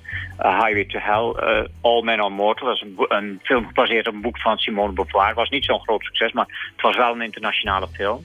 En, en, zo zijn er dus een hele serie films die in Nederland eigenlijk wat minder bekend zijn, maar uh, Engelstalig, dus vooral in Engeland en Amerika wel. En je, de, de productie Love is Thicker Than Water is momenteel te zien en heeft heel veel aandacht gekregen hier. Dus het, is, het gaat op zich met die films altijd wel goed, geloof ik. Ja, het is, het is bijna van dat ze in het buitenland uh, ietsje meer, ietsje betere aandacht krijgen dan in Nederland. De internationale films dan. Hè. En dat is ook niet zo raar, want die Engelstalige films worden in Nederland eigenlijk gezien als een, ja, als een buitenlandse film. Ik kan me herinneren dat bijvoorbeeld Drop Dead Fred was toen de tijd een enorme hit in de, in de hele wereld. En in Nederland was het ja, matig eigenlijk. Maar uh, het, het leuke is natuurlijk van dat als je film in, in uh, buitenlandse landen het heel goed doet... ja, dan kan je wel leven dat het met in Nederland wat minder is. Maar, maar nu als artist in residence, heb je dan ook een, een gedachte dat je dat, dat je met een soort betoog daar naartoe gaat? Hoop je iets te bereiken in die functie? Want want je spreekt nu zoveel mensen. Ja, nou, ik, ik, ik hoop niet zoveel persoonlijk te bereiken. Maar wat wel heel leuk is, van je krijgt een platform uh, en daar vragen ze ook voor een deel naar om uit te leggen wat je gedaan hebt en waarom je het gedaan hebt. Dus uh, aan de ene kant ben je heel praktisch. Ze willen heel graag weten van mij van hoe ik mijn carrière opgebouwd heb. Nou, dat is voor een deel natuurlijk een beetje toeval. En voor een deel is het wel degelijk planning. Uh, en wat je moet doen, wat je niet moet doen. Ze willen heel graag weten hoe je met kleine films uit Europa toch in Hollywood terechtkomt. En wat je dan doet als je succes hebt en wanneer dat succes weer weggaat. Want dat gaat natuurlijk ook weer weg. Uh, of natuurlijk, maar dat gebeurt vaak. Uh, en je, je krijgt een platform om te vertellen wat je met je films probeerde te doen. En wat je, je beweegredenen waren en al dat soort dingen. En, en dat is op zich natuurlijk heel leuk. Om, om een, soort, ja, een soort duiding aan je oeuvre te geven. Ja, want uiteindelijk maak je toch films om te communiceren. En hoewel zo'n festival, eh, dan, dan praat je met een paar honderd man of zo. Zo'n zaal, daar zal 250, 300 man zitten. Maar toch is dat wel een van de dingen waarom je eigenlijk films maakt. Je maakt geen films uh, voor jezelf en je wil er op een bepaald moment over communiceren. Dus dat, uh, het is een geweldig platform. Ik wens je ook heel veel plezier tijdens het uh, festival en heel veel succes met alle films en alle projecten die er nog aankomen. Dankjewel. Dankjewel. Ik hoop dat er nog veel zullen zijn, maar wie weet. Ik hoop het ook. Een goede nacht. Tot ziens. Dankjewel. Dankjewel. Dag. Aad de Jong en het uh, filmfestival dat uh, vindt plaats uh, van 20 september tot 1 oktober in Londen, het Raindance Filmfestival. Hier is Ajo, een zangeres die in Duitsland, Frankrijk heeft gewoond. En dit nummer heet I'm a Fool.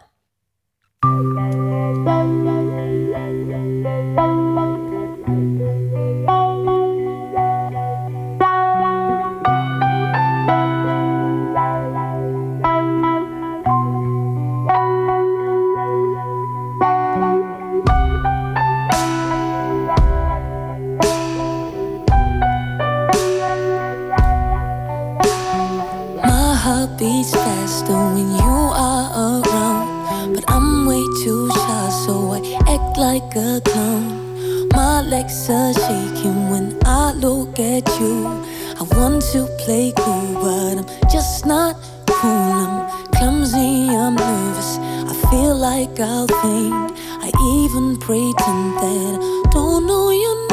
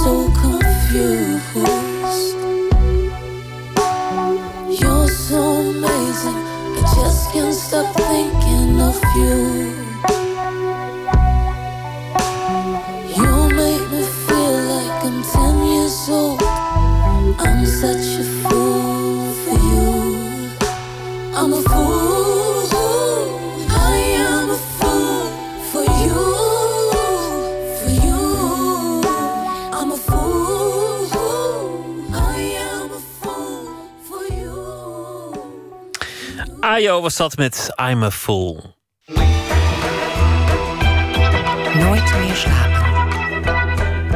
Een Joodse vluchteling uit Oostenrijk belandt in de jaren 30 in Noorwegen. Direct na de oorlog begint hij daar het eerste variété-theater. En zo wordt de vluchteling een showbizman die acrobaten, danseressen en de zwarte muziek naar Oslo haalt. Pas 60 jaar later komt theaterregisseur Espen Jort erachter dat hij familie van deze man is. Espen dook in de geschiedenis en maakte een voorstelling over dat gegeven: Casino non-stop. Vijf jaar geleden kwam Espen Jort vanuit Noorwegen naar Nederland om het theatervak te leren. Hij was toen 23 en voor hem was het een stap de wijde wereld in. Maar de keuze voor Nederland was niet helemaal toevallig. Veel van de interessante dingen, mooie dingen die in Noorwegen gemaakt worden en werden, werden gemaakt door mensen die veel contact hadden gehad met de Nederlandse toneelwereld. Dat, ik had een docent gehad op uh, universiteit die ontzettend onder de indruk was van Vlaams en Nederlands theater en dans en daar heel veel van vertelde. En ik denk dat het door haar is blijven hangen, dat daar iets aan de hand was. Welk beeld had je dan van Nederlands theater? Nou, dat er meer ruimte was voor uh, het lichamelijke, voor, uh, het lijfelijke. Dat het, ik had ook een beeld van, van kunstvormen die meer met elkaar verbonden waren. Het is misschien ook zo in Amsterdam dat alles meer met elkaar verbonden is. Beeldende kunst, muziek, dans en toneel. Vorig jaar studeerde Espen af aan de regieopleiding in Amsterdam. En nu, met Casino Non-Stop, maakt hij zijn eerste grote voorstelling. Ik was op zoek naar een verhaal over de kleine mens en de grote geschiedenis. Dus hoe de tijd waarin je leeft je leven vormgeeft. En uh, ja, zat ik met mijn opa te praten. En zei hij op een gegeven moment... je bent niet de eerste die dit doet. We hebben ome Max al. Ome Max was Max Lefko. De aangetrouwde oom van die opa van Espen. Max Lefko had in de jaren 50 een variété-theater... ergens in een kelder in Oslo. Met muziek, acrobatiek, danseressen, jongleurs... en alleen in de maand juli een striptease act omdat in juli zaten al de gezinnen buiten de stad. Maar de mannen bleven achter in de stad om te werken. Dus ik heb krantenknipsels gezien met grappen over... dat in juli zijn, is de eerste rij sowieso altijd al uitgekocht. Het moet opmerkelijk zijn geweest. Maar van het casino non-stop uit de jaren 50 is weinig bewaard gebleven. Op YouTube vond Espen nog een filmpje van de Deep River Boys.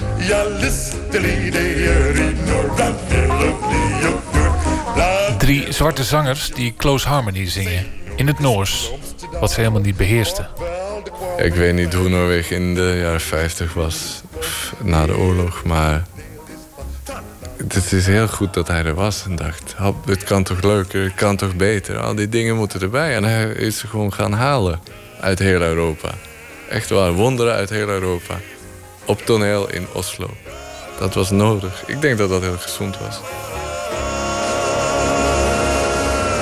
Nou, en als je over de kleine mensen en de grote geschiedenis nadenkt... dan heb je iemand die in Oostenrijk geboren is, van Joodse komaf. De Eerste Wereldoorlog als jongen heeft meegemaakt. Het in elkaar storten van het oude Europa heeft meegemaakt. De broeierige jaren twintig. En het opkomst van het fascisme heeft meegemaakt. Voordat hij dertig was. En alsnog wordt hij gewoon ome Max van het casino non-stop show. Dat vind ik een fantastisch gegeven. En een tragisch gegeven. Want er schuilt ja, moed van alles achter, achter de lach liggen of zo. En iemand uh, die hem kende, die ik gesproken heb, heeft gezegd: die man had het dus nooit over waar hij vandaan kwam. Nooit over wat hij meegemaakt had. Alleen maar over het show. Moet beter, moet beter, moet beter. Dat vind ik gewoon de spannend gegeven. De vluchteling die een show maakt, maar zelf niet gezien wil worden die dus zichzelf uit het verhaal schrijft bijna. Die Max Lefko vormt nu de inspiratie voor Casino Non-Stop. Maar dan vooral de geschiedenis van voordat Max naar Noorwegen kwam. Waar overigens helemaal weinig over bekend is. Wat we zien is het verhaal van Max en zijn vaste danseres en partner Ava. Max heeft een voorliefde voor alles wat afwijkt, voor wat als raar wordt gezien. Hij ziet schoonheid in de misvorming. Hij sleept zijn Ava mee op reis om ergens, waar dan ook, zijn casino non-stop, zijn ultieme freakshow tot een daverend succes te maken. Ja, het zijn buitenbeentjes. Mensen die er, zoals wij allemaal, eigenlijk niet tussen passen.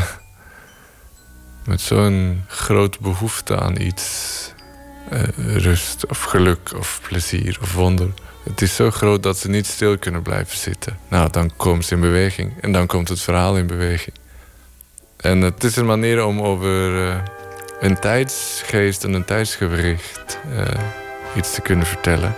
Want het vernauwt, het wordt onrustiger gedurende de voorstelling. En ik denk nu, in onze tijd ook, normaal doen is niet voor niks. Het grote slogan. Een man die tegen de klippen op zijn droom najaagt. Acteur Sanne den Hartog. Hij speelt Max Lefko.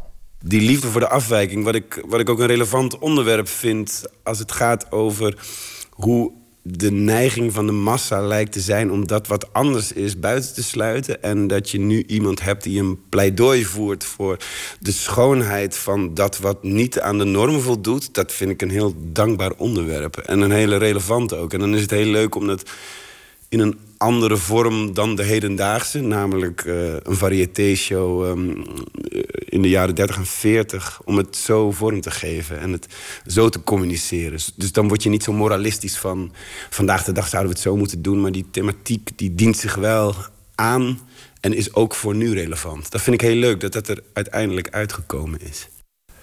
De droom van uh, de personage Ome Max is het grote casino non-stop show met alle wonderen van de wereld op de plankje elke avond. Een vrijplaats voor de verbeelding en voor de mensen die niet normaal zijn. En voor mensen die niet normaal willen zijn. En dat uh, is heel moeilijk in een wereld die ja, bang is. Is het bijna onmogelijk om zo'n plaats te maken. Het wordt hem ook afgenomen, dat, dat lukt niet. Welkom, dames en heren. En de dames nog een keertje. Bij Casino, non-stop show. Een avond vol verwondering. Benen als stelten zo lang, meneer. En als baby's zo mas. Rokjes als wimpers zo klein. Maar we beginnen vanavond met een verschijning. Dat vind ik mooi aan theater. Dat je personages kan laten zien die misschien bigger than life zijn... en in de fictie kunnen doen wat je zou wensen dat mensen in realiteit meer zouden doen. Dus ik vind het uiteindelijk een heel positief verhaal. Om die reden dat hij een lans breekt voor uh, de minderheid en, en uh, de variatie in alle mensen die er zijn. En dat dat een, uh, een potentie heeft. En niet een angstaanjagend iets hoeft te zijn. Of dat wat anders is bedreigend hoeft te zijn of zo. Ik zie wel Max een beetje als mijn gids in het leven. Die zegt, maak dat zo, doe dat. Het is de moeite waard, het wordt mooi en we gaan er nu plezier aan hebben. Ik herken mezelf ook wel in de Max die dingen wil laten zien aan mensen. Ik denk dat dat een reden is dat ik voorstellingen maak. Ik moet gewoon dingen aan mensen laten zien. En ik kan me heel raar voelen als mensen dat dan niet zien of leuk vinden. Dat vind ik heel ongemakkelijk. Dus dat vind ik heel boeiend aan die personage, de personage Max. Dat hij gewoon als een gekke dingen aan mensen moet laten zien. Dit is toch mooi, dit is toch raar. Dat vind ik zo een mooi gegeven. Dat, dat wat er niet bij past, juist die dingen moeten we zien. Dat wat lelijk is, is mooi. 60 jaar na dato belandt de bijna vergeten Max Lefko, de Oostenrijkse immigrant in Oslo, in het Nederlands theater. Dankzij zijn achterklein neef, of hoe je het ook maar wil noemen. Maar hoe ontwikkelt Espen zich ondertussen als theatermaker, zo tussen beide tradities in? Misschien heeft dit met verhalen te maken ook, maar tijd en ruimte werkt wel anders in Noorwegen. Er is, er is meer van allebei op een of andere manier. En dan is er misschien ook meer ruimte en, behoefte uh, voor uh, verhalen. Zo kom je ook de lange winter door. En zo kan je ook uh, ja, kennis en ervaringen delen. Uh, sociale interactie in Nederland gaat toch veel sneller. Mensen zitten gewoon dichter op elkaar. Dat, dat heeft, denk ik, betekent heel veel voor mindset. Of Of er bergen in je innerlijke landschap is of niet. Of, ja, het een is niet beter dan de ander. Het zijn verschillende manieren van zijn of denken. En ik vind allebei prima. En soms mis ik de bergen. En als theatermaker zoek ik ook wel de kwaliteit van een berg en een leegte en uh, natuur ook. En daar heb ik wel een soort van middelen voor gevonden in, in Nederland, wat mij betreft. Ik ben wel heel blij dat ik uh, hier beland ben. Want het leeft van alles. En ik hoop dat jullie dat zien. Hoe, hoe, hoe, fantastisch ook het theater van Nederland is. Regisseur Espen Jort en acteur Sanne den Hartog over Casino Non-Stop. Een voorstelling van Theater Utrecht. Komende maanden in het hele land te zien. Een bijdrage van Jan-Paul de Bond. Joe South. Hij maakte klassiekers in de jaren 60. En dit is ook één klassieker. Walk a mile in my shoes.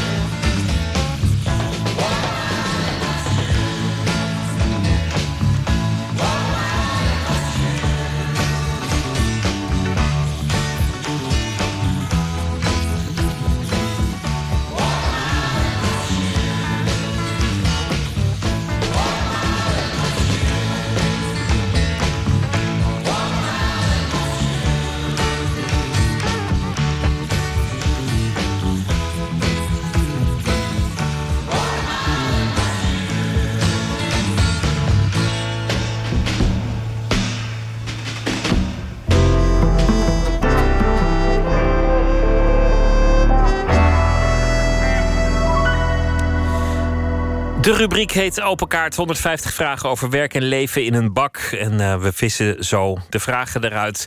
Dat doet de gast. En dat is Polle Vrienden. Een van de leden van het cabaretgezelschap Herman in een bakje geitenkwark. Vier mannen die al op de middelbare school bevriend zijn geraakt. Ze kunnen samen heel goed zingen. Maar ze zijn ook grappig. En dit najaar komt de derde voorstelling, een derde reeks. Verplicht spelen. Polle Vrienden, hartelijk welkom. Dankjewel. Je wordt omschreven uh, door een van de recensenten als een uh, onvoorstelbare menselijke jukebox annex beatbox. nou, dat, dat lees ik dan en dan ineens denk ik, wat staat er nou eigenlijk? Ja, dat, het, het, beatbox moeten mensen heel vaak denken aan mensen die in hun eentje heel veel geluid voortbrengen. Dat is ook wel zo, maar ik doe het eigenlijk het liefst met z'n allen. Ik ben denk ik wel eerder een muzikant dan, een, dan alleen een beatbox. Maar het is eigenlijk ontstaan vanuit een gevoel om altijd een, een heel beentje te willen zingen tegelijkertijd. En dat kan niet, maar ik probeer het wel. Je wilde meer mensen zijn in je eentje muzikaal. Ja, ja eigenlijk als kind al, als ik dan een, een, liedje zong, dan zong ik wel een stukje melodie, maar dan ging ik toch ook een stukje bas zingen en dan een beetje drums erbij. En dan wilde ik alles tegelijk, omdat ik dan dat dan toch het. Ik wilde alles wat ik in mijn hoofd hoorde ook vocaal maken. En er waren niet altijd andere voorradig om je, om je te assisteren natuurlijk. Nee, en die heb ik uiteindelijk gevonden. Hoe, maar... hoe gaat dat? Kun je dat voordoen? Of is ja, dat ik kan wel moeilijk? voordoen.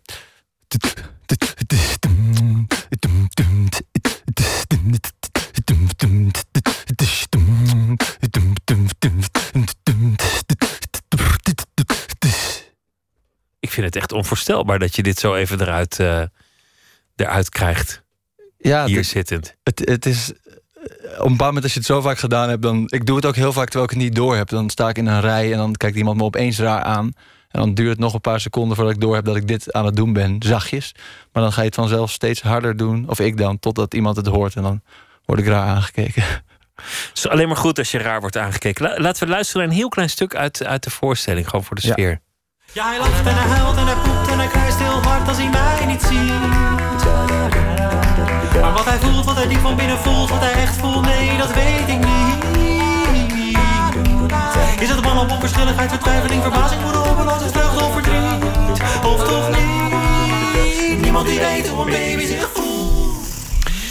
Niemand weet hoe een baby zich voelt. Het begon ook met de muziek, hè? Toen jullie Ja. bij elkaar kwamen. Want, want je hoort hier altijd dat jullie allemaal waanzinnige muzikanten zijn. Nou, ik moet wel eerlijk zeggen, dit is een demootje. En het is allemaal ingezongen door Rob. Die heeft zijn stem naar beneden getuned. Voor Dit is ook weer één iemand. Dit is één iemand. Dat is, dat is bizar. Maar we hebben dat, eh, hij heeft dat grotendeels...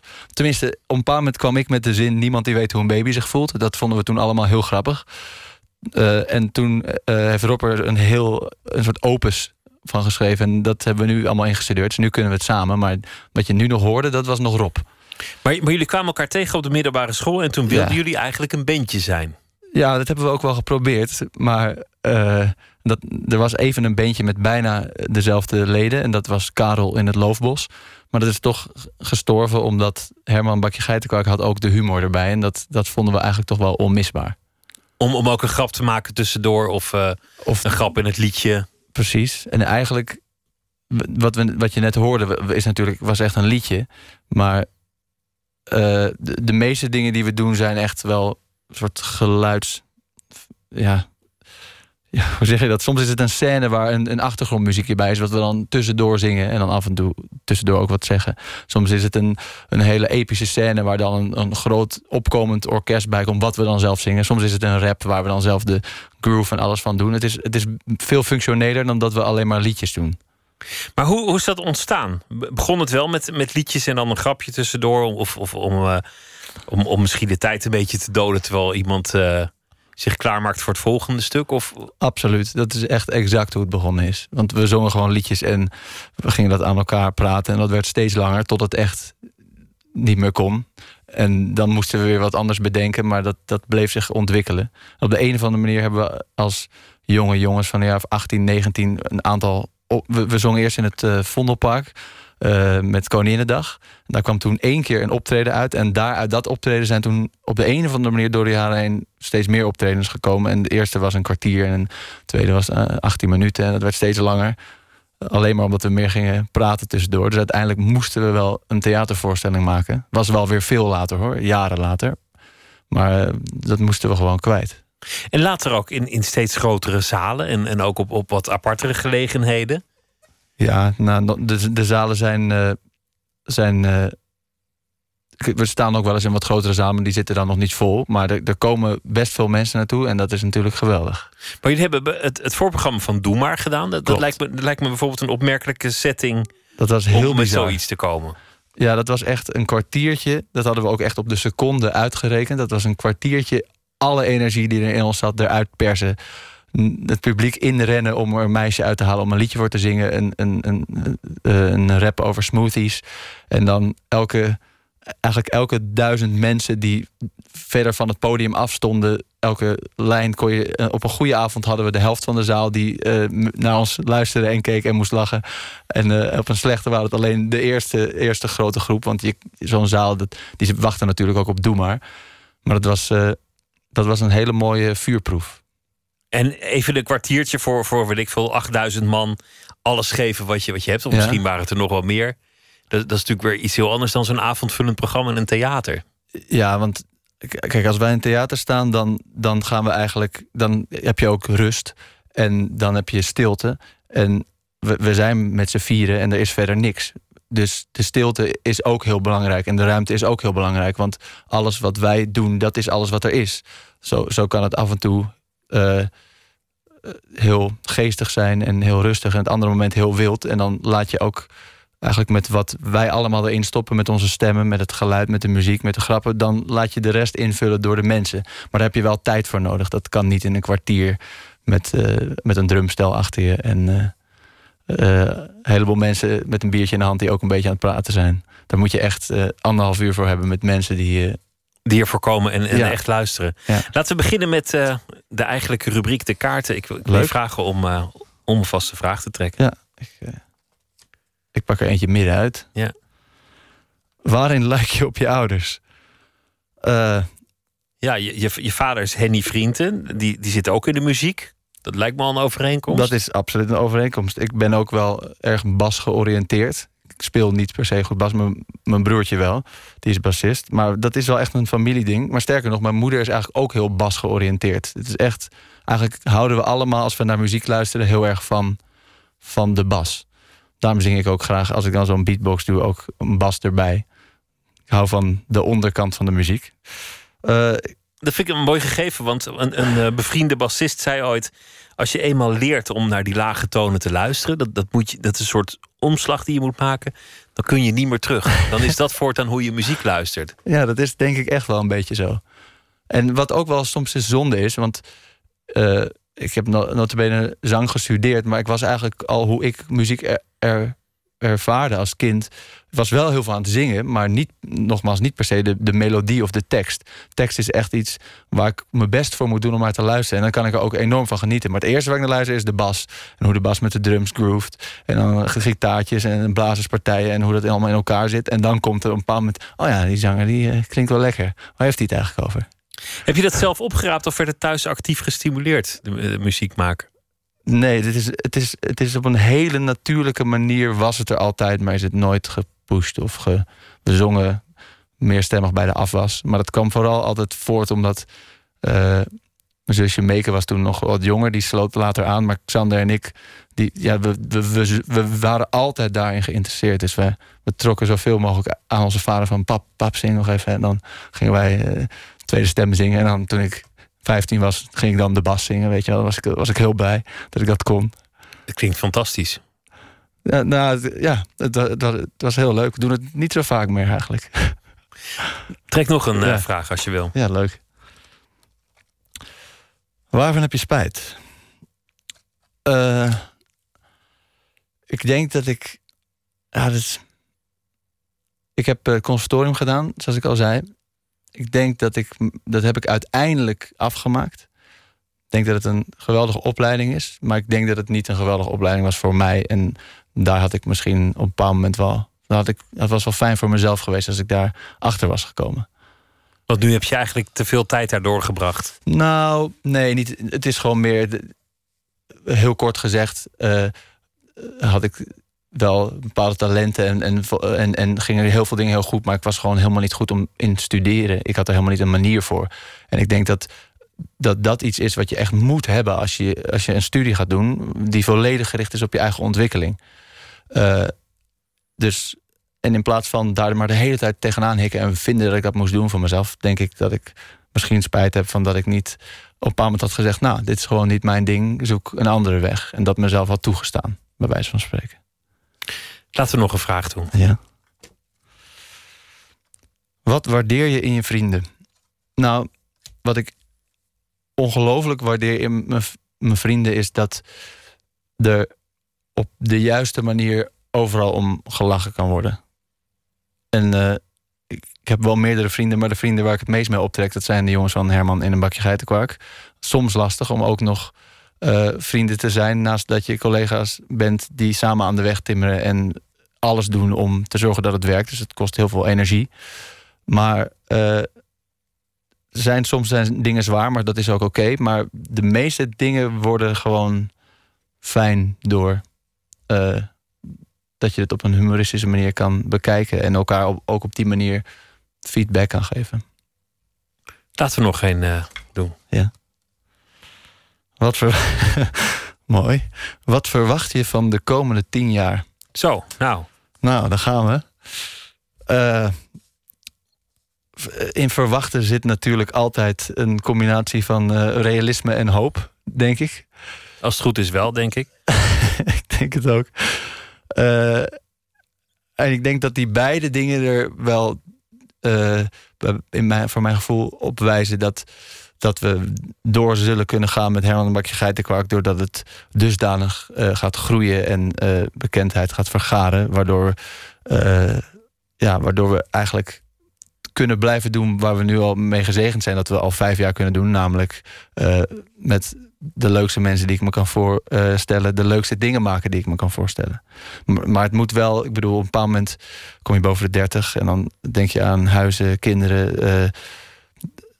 En de, het moet nog wel groeien. Dat is gewoon een soort praktisch ding. Het moet nog wel groeien. Er willen we er voor altijd mee verder kunnen. Dus mijn verwachting voor de komende tien jaar is dat dat gaat gebeuren. Met andere woorden, jullie moeten voorbij de armoedegrens zien te komen. of bedoel je dat niet? Ja, dat bedoel ik echt, letterlijk. Ja. Zullen, zullen we een, een laatste ja. kaart doen? De, de, de oervraag? De oervraag. Die is niet zo spannend. Ik niet de oervraag? Nou, nee, dat was echt niet de oervraag. Dat is ook helemaal na, de laatste. Uh, nou, dan ga ik toch terug naar de eerste die ik pakte. Wat vinden je ouders van je werk? Misschien is dat dan toch wel een oervraag. Uh, omdat eigenlijk is de balans tussen dat mijn ouders altijd trots op me zijn geweest, ook al als het dingen niet zo goed gingen, maar dat ze misschien gevoelsmatig extra trots zijn op het moment dat je met iets bezig bent wat je, waar je achter staat. Wat, wat ik dus niet altijd heb gedaan. Dat, uh, dat heb ik wel. Dat heb ik al, wel altijd gevoeld. Dat, en ik denk dat zij nu allebei heel erg blij zijn met, met dat ik dat nu doe. Ze zijn gewoon blij dat je, dat je iets doet dat je leuk vindt, waarschijnlijk. Ja. Naar, naar ik aanneem. Ja. Wat, ja, wat vinden ze van? Ik bedoel, ik, ik had ook kunnen zeggen dat ze het grappig vinden, maar ik zie, het toch meer op een soort persoonlijk uh, niveau. Maar als je ouders allebei min of meer hetzelfde of uit hetzelfde beroep komen, dan kunnen ze natuurlijk ook kritisch zijn. Want, want ze zijn wel gewend om met, met een kritisch oor te luisteren naar alles en ja, heel precies te zijn. Mijn moeder is vormgeefster, maar die is wel een vervent muziekbeluisteraar. Veel mensen, maar ze heeft wel ook wel. Ik heb eigenlijk het meeste muzieksmaak van mijn moeder meegekregen. Want mijn vader luistert nooit naar muziek. Dat heb ik ook op de een of andere rare manier van hem geërfd. Dat had ik ook net kunnen vertellen over die vraag. Maar uh, ze zijn. Ze zijn kritisch, maar. Nou, het is eigenlijk wel mijn moeder die zegt wel dan, dan komt ze, die komt naar veel voorstellingen van ons. En die zegt ook wel, ze zegt heel vaak, dit was, was ontzettend goed. Maar ze heeft ook wel vaak dingen te, melden. Soms dingen waar, waar ik van denk van, nou mam, wij vinden dit gewoon leuk. Ik snap dat jij het niet leuk vindt. Maar ook absoluut wel dingen waar ik, waar ik iets aan heb. En mijn vader is eigenlijk, is eigenlijk nou ik denk dat hij wel kritisch is, maar hij, uit dat nooit. Hij, als hij komt, komt minder vaak dan mijn moeder. Maar als hij komt, dan zie ik hem altijd enorm lachen. En dan, uh, ja, dan ben ik wel blij. Er komt een, eh, een nieuwe voorstelling, Verplicht Spelen. En ik wens jullie eh, heel veel plezier met Herman in een bakje geitenkwark. Mooiste naam van een gezelschap eh, ooit gehoord. Polle Vrienden, dank je wel. Dank je wel, Pieter.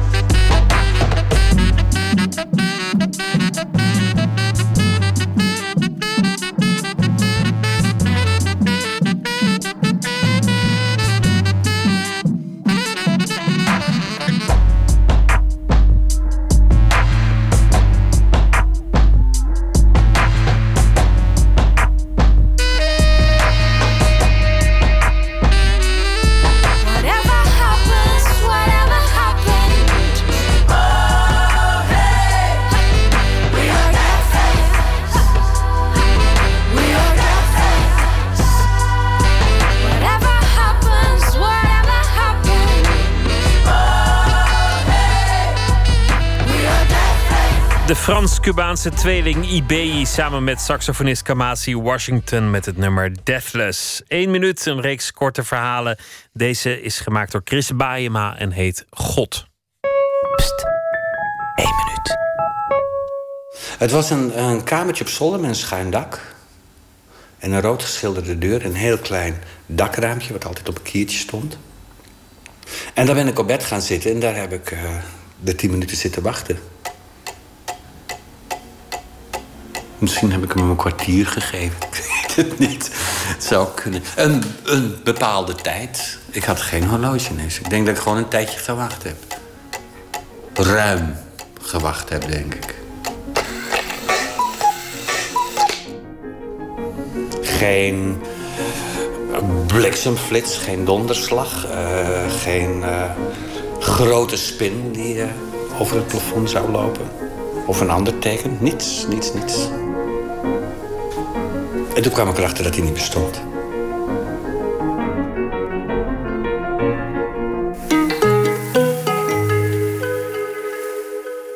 Eusjan Akiel is deze week onze vaste schrijver. Beroemd van eh, zijn vele boeken, Eus en Turis. En hij heeft ook een tv-serie gemaakt, eh, De Neven van Eus... waarin hij op zoek gaat naar Turkije aan de hand van zijn familie. Eus, goeienacht. Goedenacht. Leuk dat je deze week elke nacht eh, aan de telefoon krijgt. Ik ben benieuwd wat voor verhaal je hebt eh, waar het over gaat vandaag. Ehm, ja, de literatuur is begonnen, zoals je misschien weet. De, de tournee van een groep schrijvers langs eh, velden en wegen. Ja, precies. Het was eh, vandaag de eerste dag En ik hoorde daar bijzondere dingen tijdens vier verschillende lezingen. Ik heb eigenlijk daar een bloemlezing van gemaakt. Ik ben benieuwd, ga je gang. Tja, boeken. Het zijn veel woorden, nog meer letters. Van de docent mogen we nooit een komma achter het woord en zetten. Dat rekent ze fout. Maar u doet het voortdurend, in beide romans.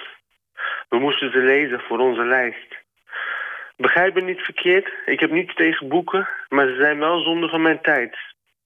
Ik kan toch ook gaan gamen, snapchatten, instagrammen, facebooken... of desnoods buiten tegen een bal trappen, als het niet regent tenminste. Er staat wat seks in uw eerste boek. Ik werd daar niet opgewonden van. Wel gek dat er zoveel synoniemen voor lul bestaan. Penis, leuter, snikkel, pielemans. U strooit er lustig op los. Soms, meneer, snap ik niet waarom het allemaal zo omslachtig moet. Die rare bijvoeglijke namen bijvoorbeeld, die we in het echte leven nooit gebruiken. Kijk hier, een uitstekend voorbeeld. Glooiende heuvels. Zo praat niemand op ons schoolplein. Het is gewoon saai. Na tien minuten heb ik geen zin meer. De eerste bladzijde vind ik belangrijk. Als die niet zijn, ga ik liever wat anders doen. Bij ons thuis staat wel een boekenkast trouwens, maar die is meer voor de decoratie. Mijn moeder sorteert de verschillende romans op kleur. Mijn vader zou ze liever alfabetisch rangschikken. Dat is het wel zo'n beetje. Dat zijn de belangrijkste literaire gesprekken in ons gezin. Wat verdient de schrijver eigenlijk? Bent u een miljonair? Ik zie u wel eens op televisie, maar daar gaat het nooit over boeken. Daarom blijf ik wel kijken. Dat is onze schoolbel. Mag ik even met u op de foto? Mijn oma leest altijd het Brabants Dagblad en u bent haar held. Ze wordt heel blij als ze ons samen ziet. Ik zet hem ook op mijn Instagram. Mag dat? Dank u wel, meneer. Een bloemlezing van eh, wat je als schrijver te horen krijgt wanneer je op de literatuur meegaat eh, langs uh, scholen, leerinstituten en andere gelegenheden. Een lesje in nederigheid. Kwa- kwam je daar niet totaal moedeloos vandaan, Neus? Ehm, ja, als ik eerlijk ben wel, Pieter. Maar als je dat zegt, dan eh, heb je eigenlijk al de handdoek in de ring gegooid. En dat is ook niet de bedoeling. Je moet niet opgeven met, eh, met strijden, zeg maar. Eh, ja, capitulatie lijkt me niet het eh, beste op dit moment. Ik zit te denken of het, of het nu erger zou zijn dan vroeger. Want, want volgens mij was het in mijn tijd niet anders. Ik zelf hield altijd wel heel erg van lezen. Maar de, de meeste leerlingen in mijn klas die hadden daar volgens mij ook een broertje dood aan. Ehm, ik denk dat ze nu iets meer prikkels hebben dan jij had destijds. Ja, wij hadden niks. We hadden geen, eh, geen Game Boy, geen iPhone, geen eh, niks wij eigenlijk. Nee, nee. En je moet nu in elke klas eigenlijk een debat gaan voeren. Vooral met VWO'ers, want die zijn iets slimmer dan de anderen. Ehm, dat, dat, dat Netflix-series zijn ook eigenlijk literatuur. Dat is hun standpunt. Oh, ja, nou, niks tegen Netflix-series, maar literatuur gaat wat ver, toch? Eh, dat is ook mijn mening, maar zie ze maar te overtuigen. Een, eh, een nobele missie, veel werk te doen en een eh, lange weg voor de boeg. Succes nog met de rest van de, de literatuur en heel graag eh, tot morgen, Eus. Dankjewel. Tot morgen. Goeienacht. Chuck Berry, de grote inspirator van de rock'n'roll, overleed eerder dit jaar. Vlak voor zijn dood nam hij nog een nieuw album op. Chuck, precies wat je zou verwachten. Behalve dit wat atypische nummer, Dutchman. A bunch of guys was in this bar room. Most of them had been there half the day.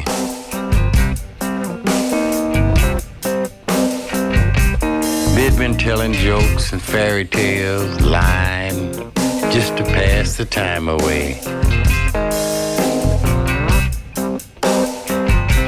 And suddenly, someone cracked the barroom door and then pushed it open wide.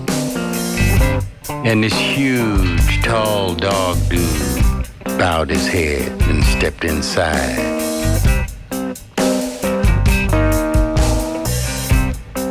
I wonder where he's from, some blonde asked. The wind must have blown him in. But an old Dutchman offered him a drink.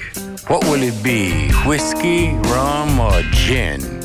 Sick and Fido, a redhead shouted. Show him his way back to the street. But the Great Dane just walked over and licked his hand and laid down at his feet. He said, If you'll spare me that drink, Dutchman, I promise I'll tell you how. That I came to be the helpless sight that stands before you now. I used to be an artist, not one who sits and fiddle out on the curb. But in my day and time, my music was considered superb. I wrote a song about a poor kid raised down in New Orleans. It didn't make the Hall of Fame, but it bought his shrimp, rice, and beans. He kept at it until he made the big time, playing town after town. Until he met a woman he fell in love with, and it really turned his life around. She had eyes like Cleopatra, and a head of luxurious hair. With the brilliance of her beauty, none other could compare. When she lifted her eyes to his, her lips would fall apart. Each time she allowed him kiss her, it near petrified his heart. But when he asked her would she marry him, he'd give her everything he had. She turned and walked away, and it nearly drove him mad. He promised her a half a million and would even pay in advance if she would let him prove himself or at least give him a chance. And if he should go blind and had to use his hands to feel, he would hire someone to do her work and prepare her every meal. How could a man love a woman so much? Not one of you would think. Well, I did, and I still do. Hey, Dutchman, you promised me a drink. Dutchman van eh, Chuck Berry, een nummer dat hij vlak voor zijn dood opnam. En dat is eh, verschenen op het album Chuck. Poëzie van Antje Kroeg, misschien wel de bekendste Zuid-Afrikaanse dichter. Afgelopen weekende was in ons land vanwege de Nacht van de Poëzie. En er is ook een eh, bundel verschenen vanwege haar 65ste verjaardag. 25 van haar mooiste gedichten gebundeld. En de titel daarvan is Waar ik jou word. En dit gedicht heet Geboorte.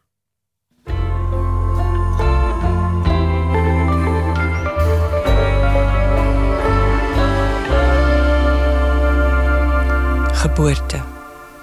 Eindelijk die lieflijke gevaartetjie, vieslik van rose en bloed, beurend pragtig tussen my bene uit, skeer uit, speel uit, glip besmeerd in my arms, jubelend van geboorte, jubelend van pyn, jubelend van krag. O ek bons, bons, bons oor my seunskind, my enigste, my mooiste, my kleinste, my dierbaarste, was hom skoon met bies, sy arms langs sy lyfie, draai hom toe met doeke en 'n krip van liedjies, sku sangetjies uit 'n skemerkamer en voet hom dat sy voetjies uitwaaier uit my voetspore, sy hande my nooit beskore snare speel, sy rosige slakkie vrugbaar swel van vreugde.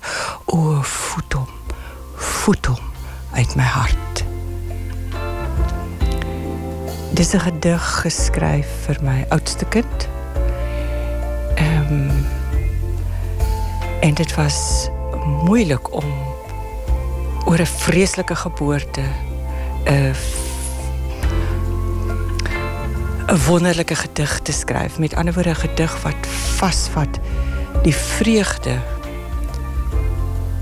van wat 'n mens ervaar ten spyte van 'n verskriklike uh geboorte. Die eerste my eerste kind was werklik ware 'n langdurige 3 dae lange geboorte. Geboorte. Eindelik die lieflike gevaartetjie, vieslik van rose en bloed, beurend pragtig tussen my bene uit, skeur uit, speel uit, glip besmeerd in my arms, jubelend van geboorte, jubelend van pyn, jubelend van krag, o ek bons, bons, bons oor my seunskind, my enigste, my mooiste, my kleinste, my dierbaarste was hom skoon met bies sy arms langs sy lyfie draai hom toe met doeke in 'n krib van liedjies sku sangetjies uit 'n skemerkamer en voet hom dat sy voetjies uitwaier uit my voetspore. Sy hande my nooit beskore snare speel. Sy rose geslakkie vrugbaar swel van vreugde. O voet hom voet hom uit my hart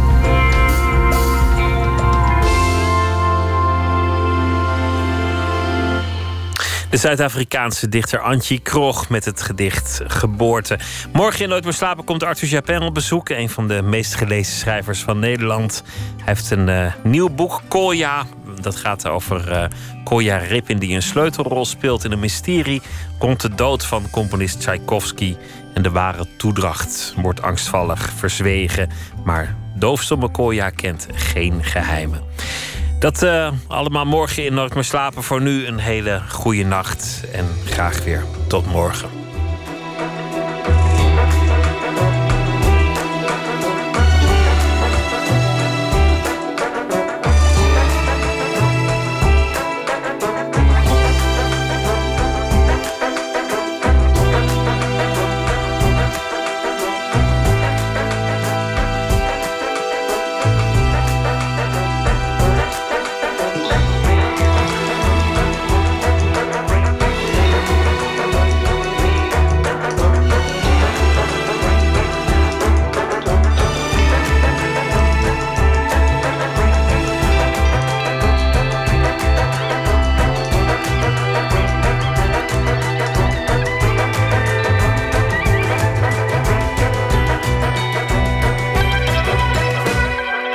Radio 1.